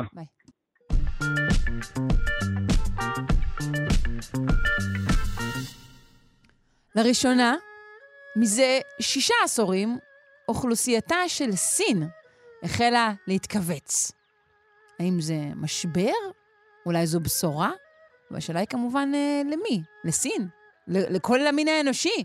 אה, נפנה לפרופסור יורי פינס מהחוג ללימודי אסיה באוניברסיטה העברית. שלום, בוקר טוב. בוקר מבורך. קודם כל, קודם כל שנה טובה, כי היום שנה טובה בסין. אה, באמת? שנה טובה. כן. אה, אתה יודע איך אומרים את זה בסינית גם? כן, xīnnián kuàilè, כמובן. אה, xīnnián kuàilè, גם לך. xīnnián kuàilè, יפה מאוד. אה, בוא קודם כל נזכיר את מדיניות הילד האחד, שהיא בעצם מה שהביא להצטמצמות האוכלוסייה בסין, נכון? מדוע כן. היא החלה בשעתו, הוחלה? היא החלה בגלל שמאז כשהקומוניסטים עלו לשלטון ב-1949 היו ניסיונות להגביל את הילודה, אבל בשלב מסוים המנהיג של אז, מאו צדונג, החליט, אנחנו, מתכוונים, אנחנו מתקרבים למלחמת עולם גרעינית, למה שנצמצם אוכלוסייה כשבכל מקרה חצי מהאוכלוסייה תושמד, תושמד לעיניהם? Mm. ביטלו את מגבלות הילודה, האוכלוסייה עלתה אבל הצמצום. מלכתחילה היה, מה, כי היו יותר מדי סינים פשוט? כי אה, בוודאי, יש יותר, המדינה היא הצפופה בעולם, אם זאת מדינה Mhm. מאוכלסת בעולם אה, מאז ומעולם, לאורך ההיסטוריה שלה, מאז לפחות המאה השנייה לפני הספירה. אה, ויש לנו אה, נתונים, נתוני אוכלוסייה, אז ברור שבמאה ה-20 זה הגיע, הגיעו מים עד נפש, והיה ברור שכדי לפתור את בעיית העוני, בעיית הנכשלות, צריך לצמצם את הילודה. אתה אומר היה ברור, לא תמיד הדברים האלה הם ברורים. אוקיי. למנהיגי סין היה ברור, אבל אוקיי. למאו מאו חרג מזה. אוקיי. וכשמאו חרג מזה, האוכלוסייה התחילה לעלות, בכל מיני סיבות שנצמצם את זה, בקצב מטורף לחלוטין, בפרט בשנות, בראשית שנות ה-70. כשמאו מת, הוא השאיר פצצה דמוגרפית ל- ליורשים שלו, הכמות האדירה של הצעירים שצריך למצוא להם תעסוקה, צריך למצוא להם מגורים, צריך למצוא להם הכל במדינה שהייתה אז מדינה מאוד מאוד ענייה. וכדי לשים קץ לפצצה הדמוגרפית המתקתקת, או מתפוצצת כבר כמעט בפניהם, המנהיגים נקטו במדיניות מאוד מאוד מאוד קשוחה, שהגבילה את הילודה תחילה לילד אחד, מהר מאוד זה היה רק לילד וחצי, זאת אומרת בעיר רק ילד אחד. כלומר, חזרו שוב למדיניות ההגבלה. אה, לא חזרו, הפעילו אותה בקצב והפעילו אותה בצורה ביתר כוח, שמעולם, אף, מהמם. שמעולם לא חשבו. אוקיי. כי במקור דיברו על שני ילדים, עכשיו דיברו על ילד אחד, אה, אחד וחצי, כי בכפר אם נולדת לך בת היה מותר להוליד, גם Mm, גם היה בת- זה חצי. זה- זה זה ידוע. כן.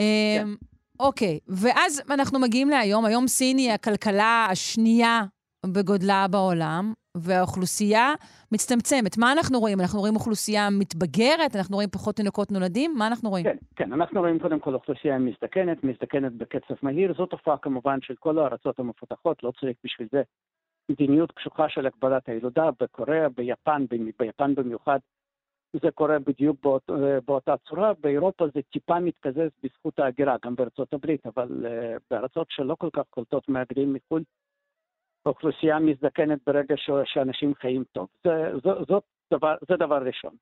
דבר שני, אכן יש מעט לידות.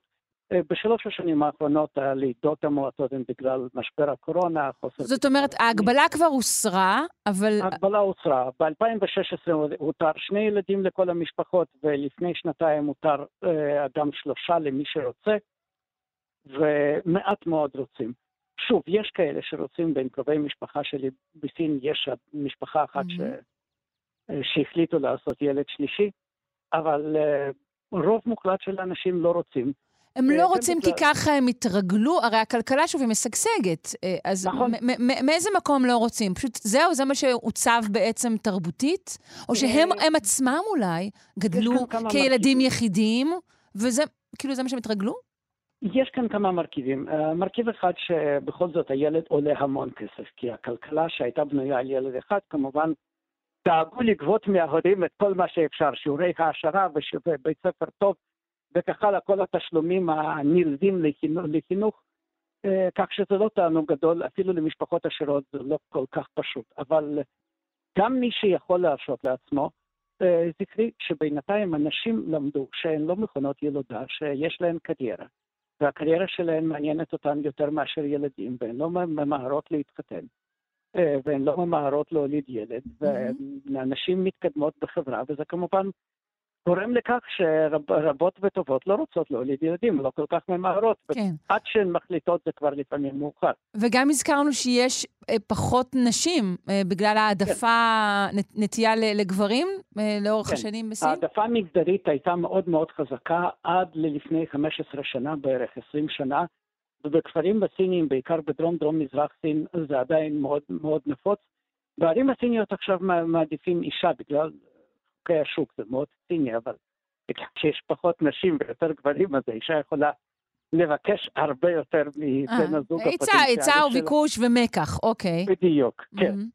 אבל, אה, אבל אה, לאורך השנים בינתיים- הסיבה שפחות רצו נשים, כי, כי הם בעצם הלכו למשפחה של הבעל ולא לא הפקנו מהם כלום?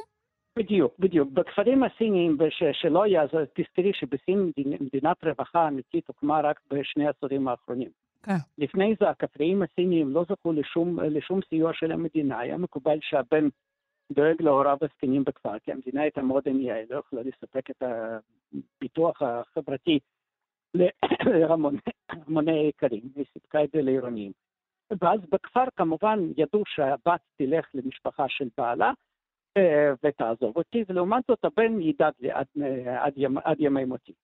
אז, אז בינתיים היו גם- כבר בדיקות שגילו את, את, את uh, מין היילוד, ואז עשו הפלות כשגילו כמובן, שזה... כן, כן. אסור היה לגלות את מין היילוד, אבל ברור לגמרי שאת יודעת, Mm, אוקיי. כשנותנים לרופא מעטפה טובה, אז הוא קורץ ביין, בעין שמאל או ביין, בעין ימין, ואז כולם לא, אני לא יודעת באיזה עין זה מקובל בסין. אה, בואו נדבר על, ה, על ההשלכות אה, של ההזדקנות של האוכלוסייה אה, של סין, קודם כל על סין עצמה. יש כאן כמה השלכות, השלכות חיוביות והשלכות השליליות. ההשלכות החיוביות, נתחיל, נתחיל בזה, כי בדרך כלל לא אוהבים לדבר על זה, אבל יש השלכות חיוביות. זה שיפור אקולוגי בלתי רגיל. סין חסכה מהעולם 400 מיליון צרכנים, אה, סין חסכה מעצמה את זה. אה, וכשהאוכלוסייה תלך ותצטמצם, תאמיני לי, בתור מי שגר הרבה בסין, אני ממש לא אצטער שהאוכלוסייה תצטמצם במקצת, כי היא באמת מאוד מאוד מאוד צפופה. אוקיי. אה, אז זה לא אבל, יקרה אבל יש לזה גם השלכה שלי, אבל- כלכלית, לא? זה יוריד את התל"ג או משהו? אה, כן, אה, יש, יש את האמונה הזאת הדתית כמעט בסין, שהתוצר המקומי הגולמי זה הדבר החשוב ביותר בעולם. זה לא יוריד כיוון שיש כרגע, יש כרגע שינוי במבנה של הכלכלה הסינית. סין מקדמת בקצב מסחרר את הרובוטיקה, את האוטומטיזציה של הכלכלה, שפחות ופחות זקוקים לידיים עובדות. סין כרגע, Mm. היא עברה את הברית כבר מבחינת הרובוטים לעשרת אלפים עובדים, היא עכשיו במקום חמישי בעולם, יפן וקוריאה, אגב, מקדימות אותה בגרמניה. אה, שכולן מתמודדות גם כן עם בעיות האוכלוסייה. רגע, אתה אומר, אבל- אתה, אתה קושר בין הדברים האלו? בין, בוודאי. בין הפיתוח של אה, רובוטים שיחליפו בני אדם אה, במשימות שונות, ואולי גם בדברים אישיים, לבין ההזדקנות ו- וצמצום. האוכלוסייה? בוודאי, כי, אנשים, הסינים לא, את יודעת, זו, לא- הייתה הפתעה גדולה, למרות שבעיתונים לפעמים כותבים על זה כמין, אה, איזו הפתעה, האוכלוסייה הסינית הפסיקה לגדול. כולם ידעו את זה, מאז שאני למדתי על סין ומאז שאני התחלתי ללמד, כולנו ידענו שזה יקרה בשנות ה-20, אולי בשנות ה-30 של המאה ה-21, זה קרה קצת מוקדם מה, מהצפוי, אבל זה קרה, וכבר לפני 15-20 שנה התחילו לקדם את הרובוטיזציה של הכלכלה, ו- וכלכלת המידע, וכלכלה שמבוססת לא על ידיים עובדות זולות, אין יותר ידיים עובדות זולות בכמות גדולה בסין. סין כרגע מעצמה כלכלית בזכות האיכות של כוח האדם שלה, ולא בזכות הכמות זה לא אותם האנשים שלפני 30 שנה היו אה, עושים את החולצות, תופלים חולצות במחיר אפסי. זהו, אין, זה נגמר. כן, זה העבירו למקומות אחרים. נכון, נכון, כמו בכל מקום בעולם. ועכשיו האוכלוסייה, ועכשיו העוצמה של סין בגלל המדע ובגלל הטכנולוגיה, ובגלל שהאוכלוסייה הפכה להרבה יותר משכילה ממה שהייתה, שזה גם כן ברכה של, מדיניות צמצום הילודה. אבל אם נעבור מברכה לדברים השליליים יותר, אז ברור שיש כאן בעיה גדולה לאנשים, נאמר בדור שלי, כשהם יזדקנו, שיהיו פחות, פחות ופחות עובדים, פחות מי שידאג לנו, פחות אה, ומי ש... לא, גם בשביל זה יש רובוטים וכלבים אה, דיגיטליים וכל כל מה שזה. כן, יפן אגב היא אולי המדינה המתקדמת בעולם כרגע בהכנסת אה, רובוטים לעובדים סיעודיים. אני מקווה שזה באמת יתקדם כל כך, שאפשר יהיה לעשות את זה, וזה יפתור את הבעיה. אבל אמ, או שכן, או שכן או שלא, אנחנו לא יודעים אם זה לא, באמת. אני מקווה, אמרתי, אני... עם הטיפול והחיבה שאנחנו צריכים. אני לא מתנבא, אני רק כן. מקווה. אה, טוב, השאלה אם הדבר הזה הוא בעצם משהו שאנחנו יכולים להגיד שזה ה... לשם הדברים הולכים.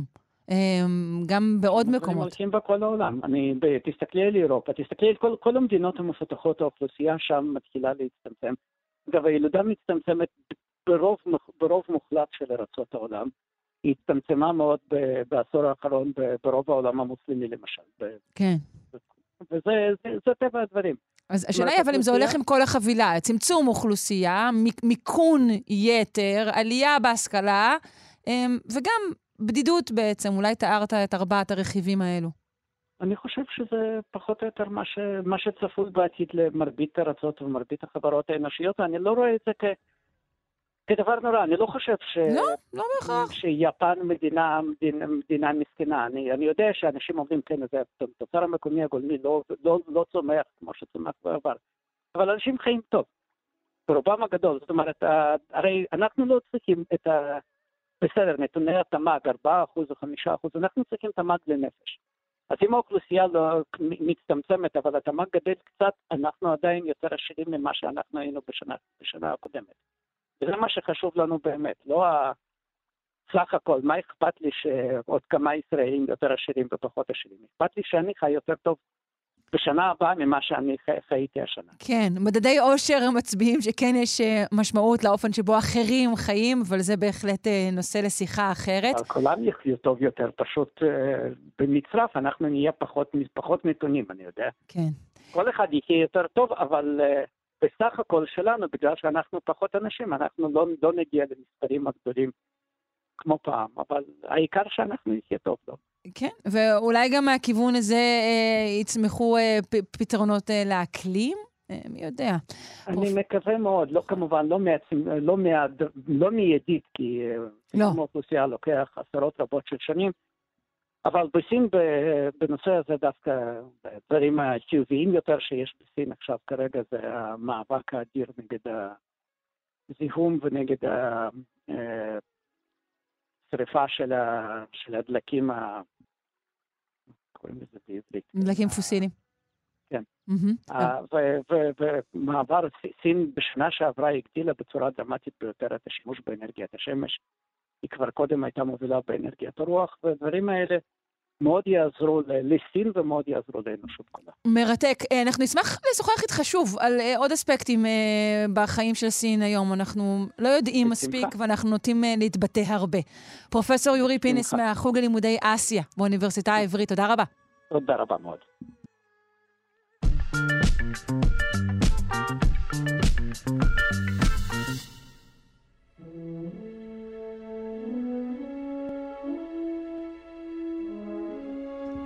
אה, פינת האטמוספירה והחלל של הפרופסור יואב יאיר, דיקן בית הספר לקיימות באוניברסיטת רייכמן וחוקר אטמוספירה וחלל. שלום. בוקר טוב, שרון, ובוקר טוב למאזינים. בוקר אור. אנחנו רוצים לדבר על, על, על אובך פלנטרי, נכון? שהוא בעצם מצד אחד מפריע לצפות בפלנטות, אבל אולי הוא הכרחי לקיומן. בדיוק, את צודקת, לקיומם של חיים על פלנטות. זאת אומרת, אה, אנחנו יודעים שחלקיקי אובך שמפר... מפזזות להם מולקולות גדולות באטמוספירה של פלנטות, מונעות אותנו מלצפות בהן ישירות או לקבל אפילו מידע על תרכובות שאנחנו חושבים שהן מה שנקרא ביוסיגנצ'רס, כלומר תרכובות שיכולות לבשר על הימצאותה של חיים ביולוגיים על פני כוכב הלכת או באטמוספירה שלו. והנה היו ציפיות גדולות מאוד מהאטמוספירה אה, של פלנטה מסוימת שהתגלתה, GJ1214b, וכשהסתכלו עליה עם הג'יימס ווב space telescope, הצעצוע החדש של האסטרונומים, גילו שהספקטרום הוא שטוח, כלומר לא רואים הרבה, לא רואים תרכובות ולא רואים את טביעת האצבע הספקטרלית של מולקולות שיכולות לבשר לנו משהו על הכימיה באטמוספירה הזאת, ואולי לרמוז לנו האם יש שם תנאים שיכולים לאפשר את קיומה של ביולוגיה. כלומר, גם הטלסקופ הזה, שהוא המשוכלל ביותר שיש לנו, לא יכול לראות דרך הלכלוך והרעש הזה. נכון, האובך הזה מונע חלק גדול מהאינפורמציה הספקטרלית שהיינו יכולים להשיג, כאשר האור של השמש, שאותה מקיף כוכב הלכת הזה, האקסו-פלנטה, אה, עובר דרך האטמוספירה, הסינון הזה על ידי האטמוספירה עצמה אמור היה לתת לנו מידע רב על תכונותיה ואופייה והרכבה הכימי של האטמוספירה, והנה אה, בתצפיות האלה מתגלה שאנחנו לא רואים הרבה, ולמעשה נוצרה אפילו אכזבה מסוימת, ולמעשה מה שקורה עכשיו, מנסים לפענח את האור שכן מוצאים בתצפיות הללו, על סמך ניסויי מעבדה שמשחזרים אפילו, אם תרצי, ניסויים מוקדמים מאוד מ-1952, ניסוי יורי מילר המפורסם, של סימולציה מה קרה באטמוספירה הקדומה של כדור הארץ כשעוד לא היו כאן חיים ביולוגיים. אז יש קבוצות רבות היום שנחפזות ומנסות לסמלץ באמצעות ניסויי מעבדה ותצפיות וכמובן מודלים מתמטיים, מה קורה באטמוספירות של אקסופלנטות. Mm. הקבוצה המובילה היא של שרה הוס מג'ונס הופקינס בארצות הברית, יחד עם ניקול לואיס מקורנל, שתי מדעניות שעובדות גם בניסויי מעבדה ממש בנו תא עננים, Cloud Chamber, מכניסים לתוכו 12 אה, סוגים או 12 סוגים של תרכובות שמשוערות להיות הללו השכיחות באטמוספירות של אקסופלנטות, ממשפחה מאוד מסוימת אגב, של מה שנקרא Super Earth, פלנטות חוצניות שמסתן גדולה פי עשר מזו של כדור הארץ. רגע, זה על בסיס מה שידוע לנו על כדור הארץ הקדום, או מה שאנחנו יודעים על הפלנטות החיצוניות האלו? החומרים כן, אז לוקחים באקסטרפולציה את מה שיורי ומילר עשו ב-1952, mm-hmm.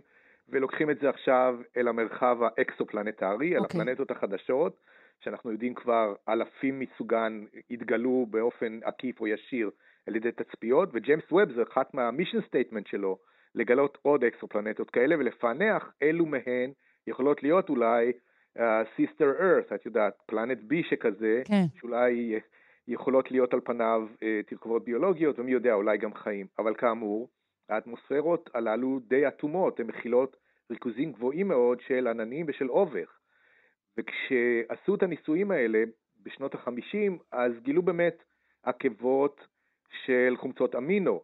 חזרו עליהם בשנות ה-70 קבוצה של אה, קרל סייגן בארצות הברית, אה, סייגן וקר, חסו את הניסויים האלה בתנאי מעבדה, וגילו שורה של תרכובות שהשם הכולל שלהם זה טולינים, טולינס, מהמילה היוונית בוץ או לכלוך, והכוונה למין תרכובות כמו פולימרים אורגניים ארוכות, שרשרות ארוכות של מולקולות שנוצרות מאינטראקציה פוטוכימית, כלומר מקרינות השמש, קרינות הכוכבים, קרינה קוסמית, של אה, גזים שמרחפים באטמוספירה, כמו מתאן ואדי מים, חנקן, CO2, כשאתה מכניס את הקוקטייל הזה ונותן לו לשהות באטמוספירה, בסוף אתה מקבל אה, אובך פלנטרי, שמקשה מאוד, כאמור, על תצפית ישירה על הפלנטה ועל האטמוספירה שלה.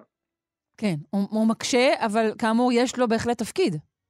נכון, אז חלק מהמדענים סבורים שלמעשה הימצאותם של טולינים כאלה, של אה, מולקולות פולימרים שמרחפות באטמוספירה, מגן במידה מסוימת על מה שקורה בפני השטח, כי התרכובות הללו בולעות קרינת UV ומגינות ואולי משמשות מעין שכבת סיכוך מהקרינה הזאת שתגיע על פני השטח וחלילה תפגע באולי התהליכים הביולוגיים הראשונים שנוצרים, כמו שנוצרו בכדור הארץ, יש לשער, באוקיינוסים או בלגונות אה, רדודות, ששם אנחנו משערים נוצרו החיים הראשונים על פני כדור הארץ שלנו.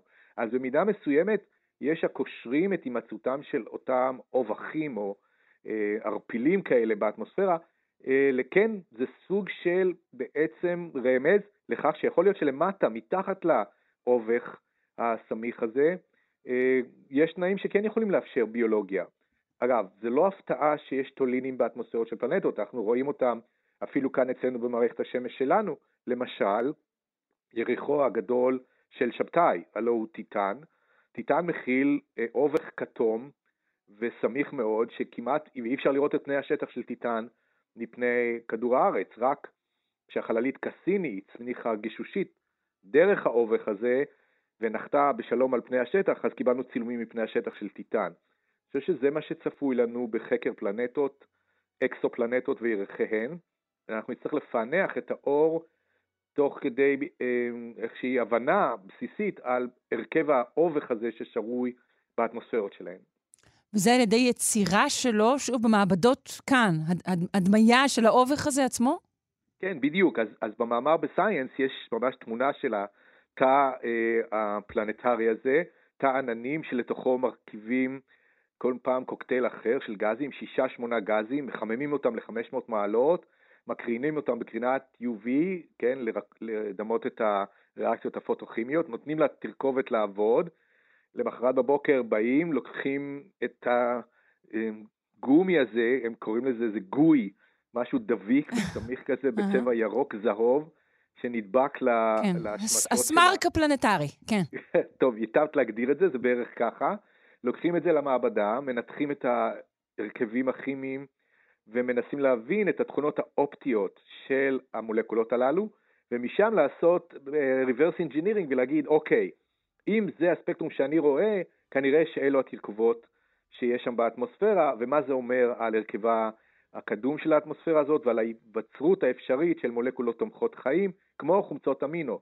זאת אומרת, אחד המחקרים כבר הראה, הוא פורסם, שלטולינים האלה, אותו בוץ אביך mm-hmm. פלנטרי, בחלקו יש גם, אה, בוא נאמר, ריכוזים קטנים של חומצות אמינו, שאנחנו יודעים מרכיבות את, אה, את ה-DNA של כולנו. בני הבניין אה, של החיים שלנו. טוב, אה, מעולה. אז תעלומת האובך אה, אה, מתחילה להיפטר, ולכיוון אה, מעניין במיוחד. פרופסור okay. יואב יאיר, אה, דיקן בית הספר לקיימות באוניברסיטת רייכמן וחוקר אטמוספירה וחלל, תודה רבה לך. כן, כן, להתראות שרון. יום טוב.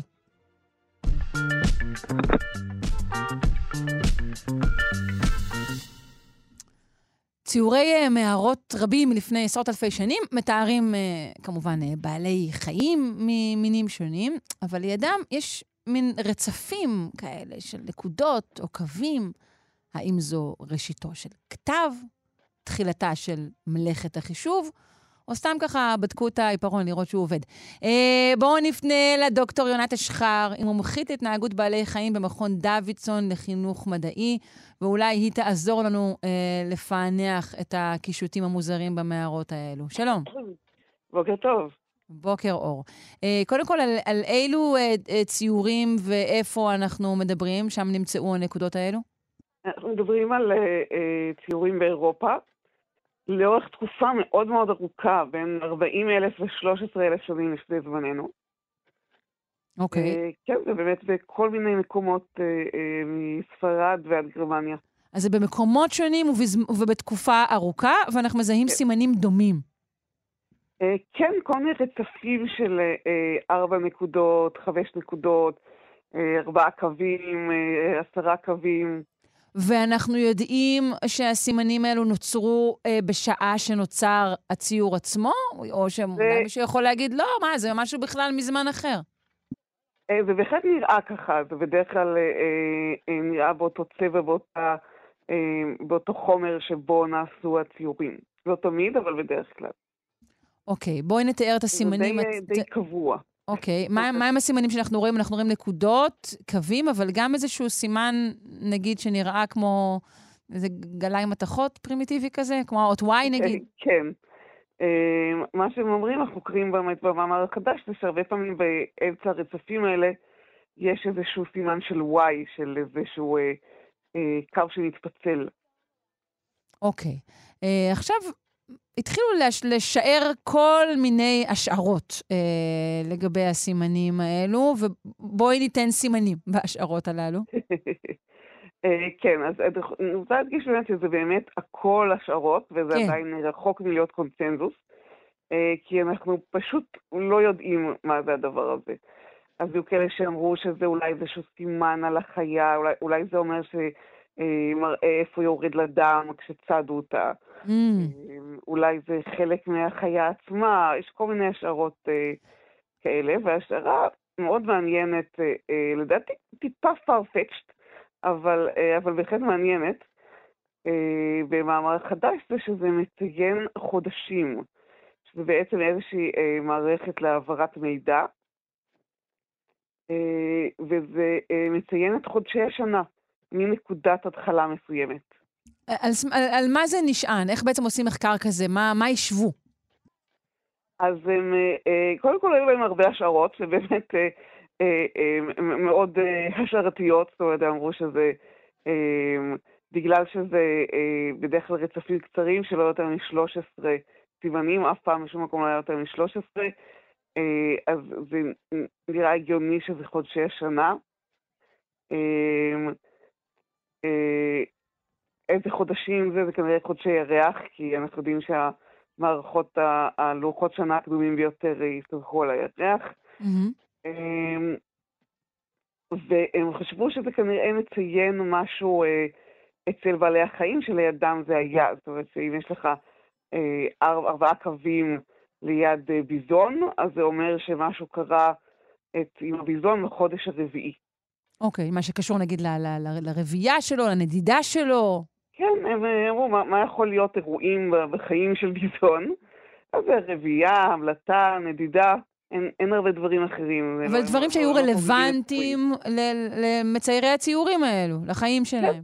כן, זה בדיוק מה שהם אומרים. הם אומרים, אה, אה, הם הסתמכו על בעלי החיים האלה, הם צריכים אותם בשביל לשרוד באמת. ולדעת מתי הם ממליטים למשל, או מתי הם אה, אה, מתרכזים במקום אחד בשביל אה, חיזור ורבייה, זה מאוד יעזור לצעדים הקדומים. כן. אחד הדבר, אני, כן, אני חושבת שמה שמאוד מעניין כאן אה, בכתבה שלך, אה, שמי שרוצה להעמיק בה יכול להיכנס לאתר של מכון דוידסון, זה האופן דווקא שבו אה, אנשים אה, פוסלים אה, את, ה, את המאמר הזה ואת ההשערות האלו. אה, כן, אני רציתי להביא גם את, ה, את הצד השני, כי אני אישית לא בטוחה שהשתכנעתי לגמרי מה... כן. יש פה הרבה מאוד השערות. מה שהם עשו, החלק בעצם הסטטיסטי בזה ש- שהם רצו לבדוק את ההשערות, זה פשוט להשוות בין ה... אה, אה, הרבה מאוד אה, ציורים כאלה, ולראות כאילו באיזה חוד, איזה, אה, חודשים לפי השערה שלהם הביזונים אה, אמורים להמליט או, או להתרבות, ובאיזה, הסוסים ובאיזה אה, הציפורים, והם, אה, והם הראו לטענתם שלפחות בחלק מהמקרים, למשל, אה, אה, ה- אה, תמיד- היו ארבע נקודות, או כמעט תמיד ארבע נקודות או ארבעה קווים, ולדעתם זה סימן שבחודש הרביעי, אה, שזה חודש הרביעי אחרי תחילת האביב, שזה ההשערה שלהם לתחילת השנה, אה, הם מתרבים, וזה באמת ככה. זאת אומרת, אנחנו יודעים מהמם. שביזונים באמת מתרבים שם אה, בתקופה הזאת. או הסימן של הוואי שהזכרת, אמרו שהוא כן. קשור להמלטה. אבל אז בא מישהו ואמר, תשמעו, כל הבעלי חיים האלה ממליטים בערך באותו זמן. כן, מה, מה, מה צריך לכתוב פה בדיוק? כולם יודעים את זה, מה, על זה היו משקיעים את כל הסימנים? אז גם אה, אה, כולם יודעים את זה, והיה מישהו שאמר, באמת יש, יש הרבה סימנים אחרים שאומרים שבעל חיים עומד להמליט, לא, לא צריך אה, לעשות לוח שנה בשביל זה. כן. על חיים, ש... על אנשים שחיו בתוך הטבע ו... והיו קשובים לסימנים של הטבע, אז הם לא צריכים אה, להתחיל לחשב חודשים, הם יכולים להגיד, אה, אה, הנה העץ הזה אה, הוציא פרחים, אז אנחנו יודעים שהביזון עומד להמליט. כן. מה לא- לגבי שאלת הכיוון? את אוהבת את הספק הזה של שאלת כן, הכתיבה כן, מימין. ומשמאל? הם, אה, הם כאילו, הם, לא התייחסו לזה בכלל אה, במאמר, וזה באמת מעניין, שזה באמת, אנחנו יודעים שחברות שונות הרי כתבו בכל, הכתב הראשון בכלל היה גם מימין וגם משמאל. Mm. איך שבא להם, ולפעמים הם... אה, אז אולי לכן אה, לא התייחסו לשאלה הזו. אה, אה, כן, אבל כי אתה אומר שהסימן Y נמצא במיקום השני. המיקום השני מאיפה? Mm. אוקיי, אולי הם חשבו שלא נשים לב. יכול להיות. אז בקיצור, אנחנו אומרות, אה, אה, סיפור הנקודות והקווים עדיין לא מפוענח, מדובר רק בהשערות. עדיין לא מפוענח. יש לנו השערות מעניינות, אבל זה כל מה שאין בינתיים. יפה, אנחנו בסדר גם עם תעלומות שנשארות ככה, אנחנו לא, לא חייבות לפתור את הכל. היה משעמם אם הכל היה פתוח. נכון. דוקטור יונת אשחר, מומחית התנהגות בעלי חיים במכון דוידסון לחינוך מדעי. תודה רבה לך. תודה לך.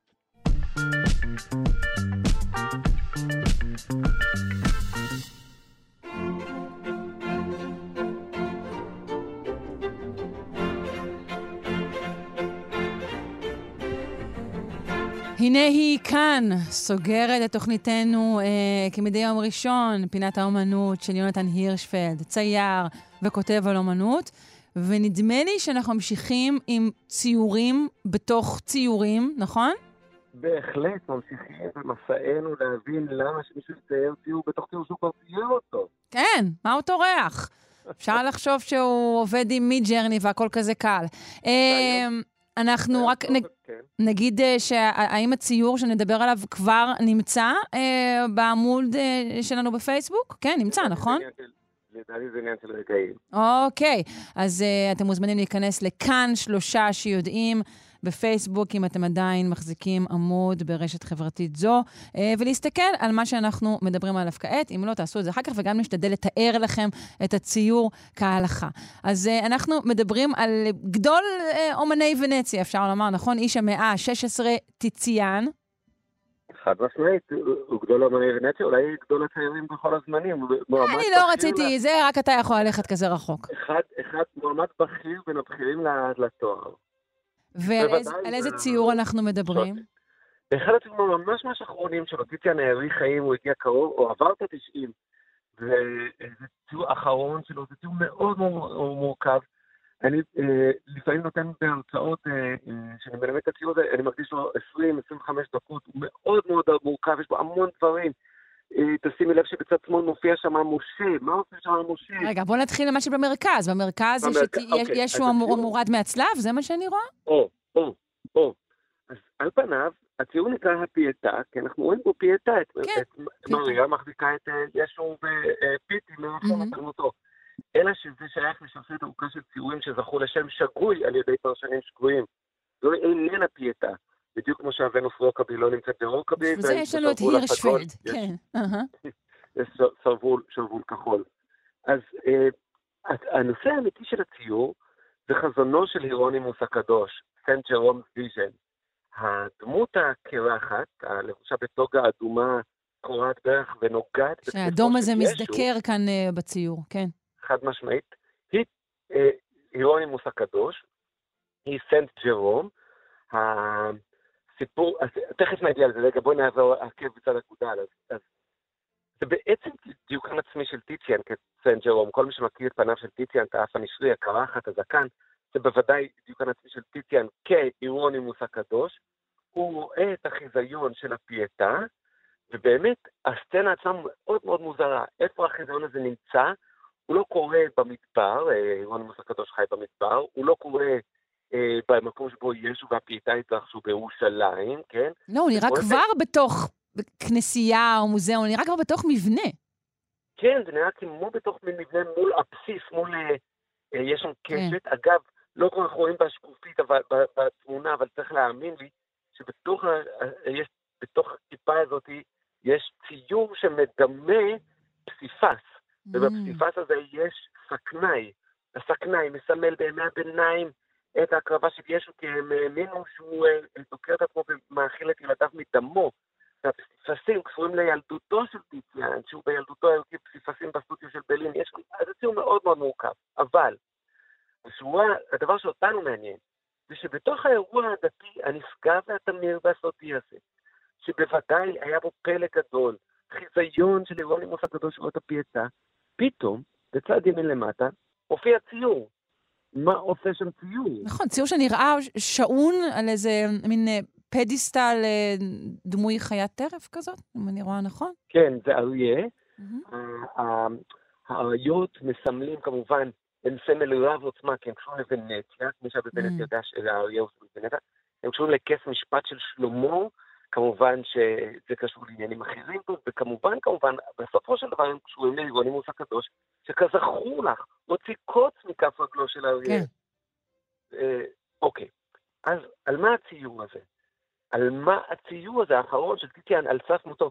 רגע, מה יש בציור הקטן שאנחנו רואים? מה יש שם? את רוצה את הפאנצ'ליין באמצע? לא, לא, מה פתאום? לא, לא, סליחה, אני דוחקת את הקץ, כן. אה, אז על, על, מה, על מה הציור הזה? הצי, אנחנו רואים פה את אה, אה, אירונימוס הקדוש מבטא אספקט בחייו של האומן, טיטיאן הוא אירונימוס הקדוש, ומה האספקט הזה? שאירונימוס הקדוש, הוא תרגם את התנ"ך, הייתה לו השראה אלוהית והוא תרגם אותו לחוויה אסתטית. טיטיאן מזהה את עצמו כמי שהייתה לו השראה אלוהית, והוא נתן לה ביטוי אסתטי. הוא מזהה את עצמו עם אירונימוס הקדוש. עכשיו, איך אנחנו יודעים את זה? אנחנו יודעים את זה ראינו את טיטיאן כבר מצייר את עצמו כאירונימוס הקדוש קודם. אנחנו יודעים את זה בגלל האטריביוטים של אירונימוס הקדוש שמפורסמים בציור. אנחנו יודעים את זה בגלל שאירונימוס לא היה במעמד הצליבה ודור האדם מהצלב. מה הוא עושה שם בכלל? זה חייב להיות החיזיון שלו. אבל בעיקר אנחנו יודעים את זה בגלל שבציור הקטן, בפינה, אנחנו רואים את טיטיאן עצמו רואה את החיזיון הזה. יחד עם בנו פומפינו. מה זאת אומרת רואה את החיזיון? בציור הקטן, רואים את טיציאן ואת בנו קוראים ברכיים, ומצמידים את ידיהם, ומסתכלים על החיזיון של הפייטה. זאת אומרת, הציור הקטן הוא בעצם אה, גרסה קטנה שדומה לציור הגדול, פשוט באמת בשיקופית שמולי קשה לראות. על פי הנוסחה שאנחנו אה, דבקים בה, שמה שהציור אומר במציאות הדיאגטית, הציור כולו אומר במציאות שלנו? הוא אומר להם, בציור, הוא אומר, זה לא אירונימוס הקדוש, זה טיציאן שרואה את החיזיון. הוא רוצה לקשור בעיניים שלנו, הוא רוצה להגיד לנו, זה לא ציור על קדושים, זה ציור על ציירים. זהו, מה הוא אומר בעצם על ציור כשלעצמו כשהוא עושה את זה? הצייר הוא כמו אירונימוס הקדוש, הוא מקבל השראה אלוהית ונותן לה ביטוי אסתטי. עכשיו, אחד הדברים המעניינים ביותר בציור הזה, זה שהופכים אותו ומסתכלים עליו מאחורה, רואים שהוא צויר על שישה או שבעה בדים שונים שנקצרו.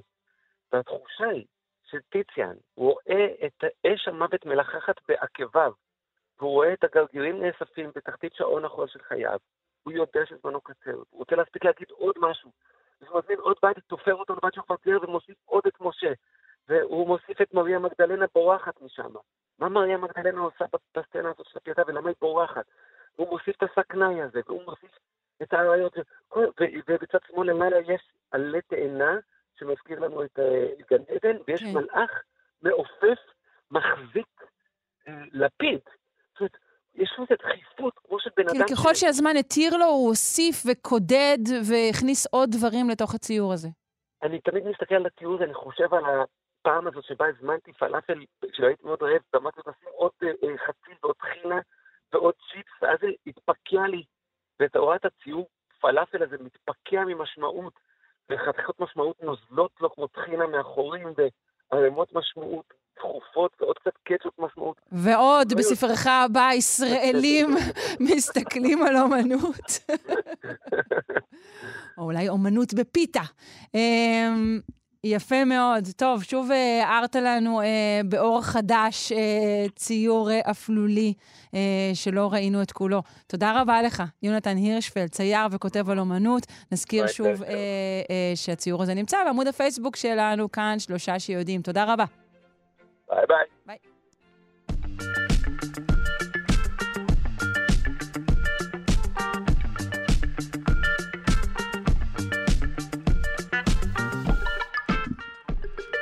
ובכן, מי היה מאמין? הסתיימו להן עוד שעתיים שלנו, שלושה שיודעים, כאן, בכאן תרבות.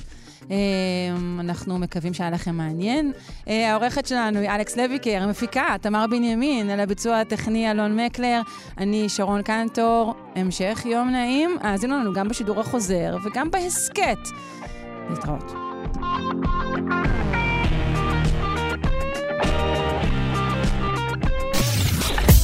אתן מאזינות ואתם מאזינים לכאן הסכתים. כאן הסכתים, הפודקאסטים של תאגיד השידור הישראלי.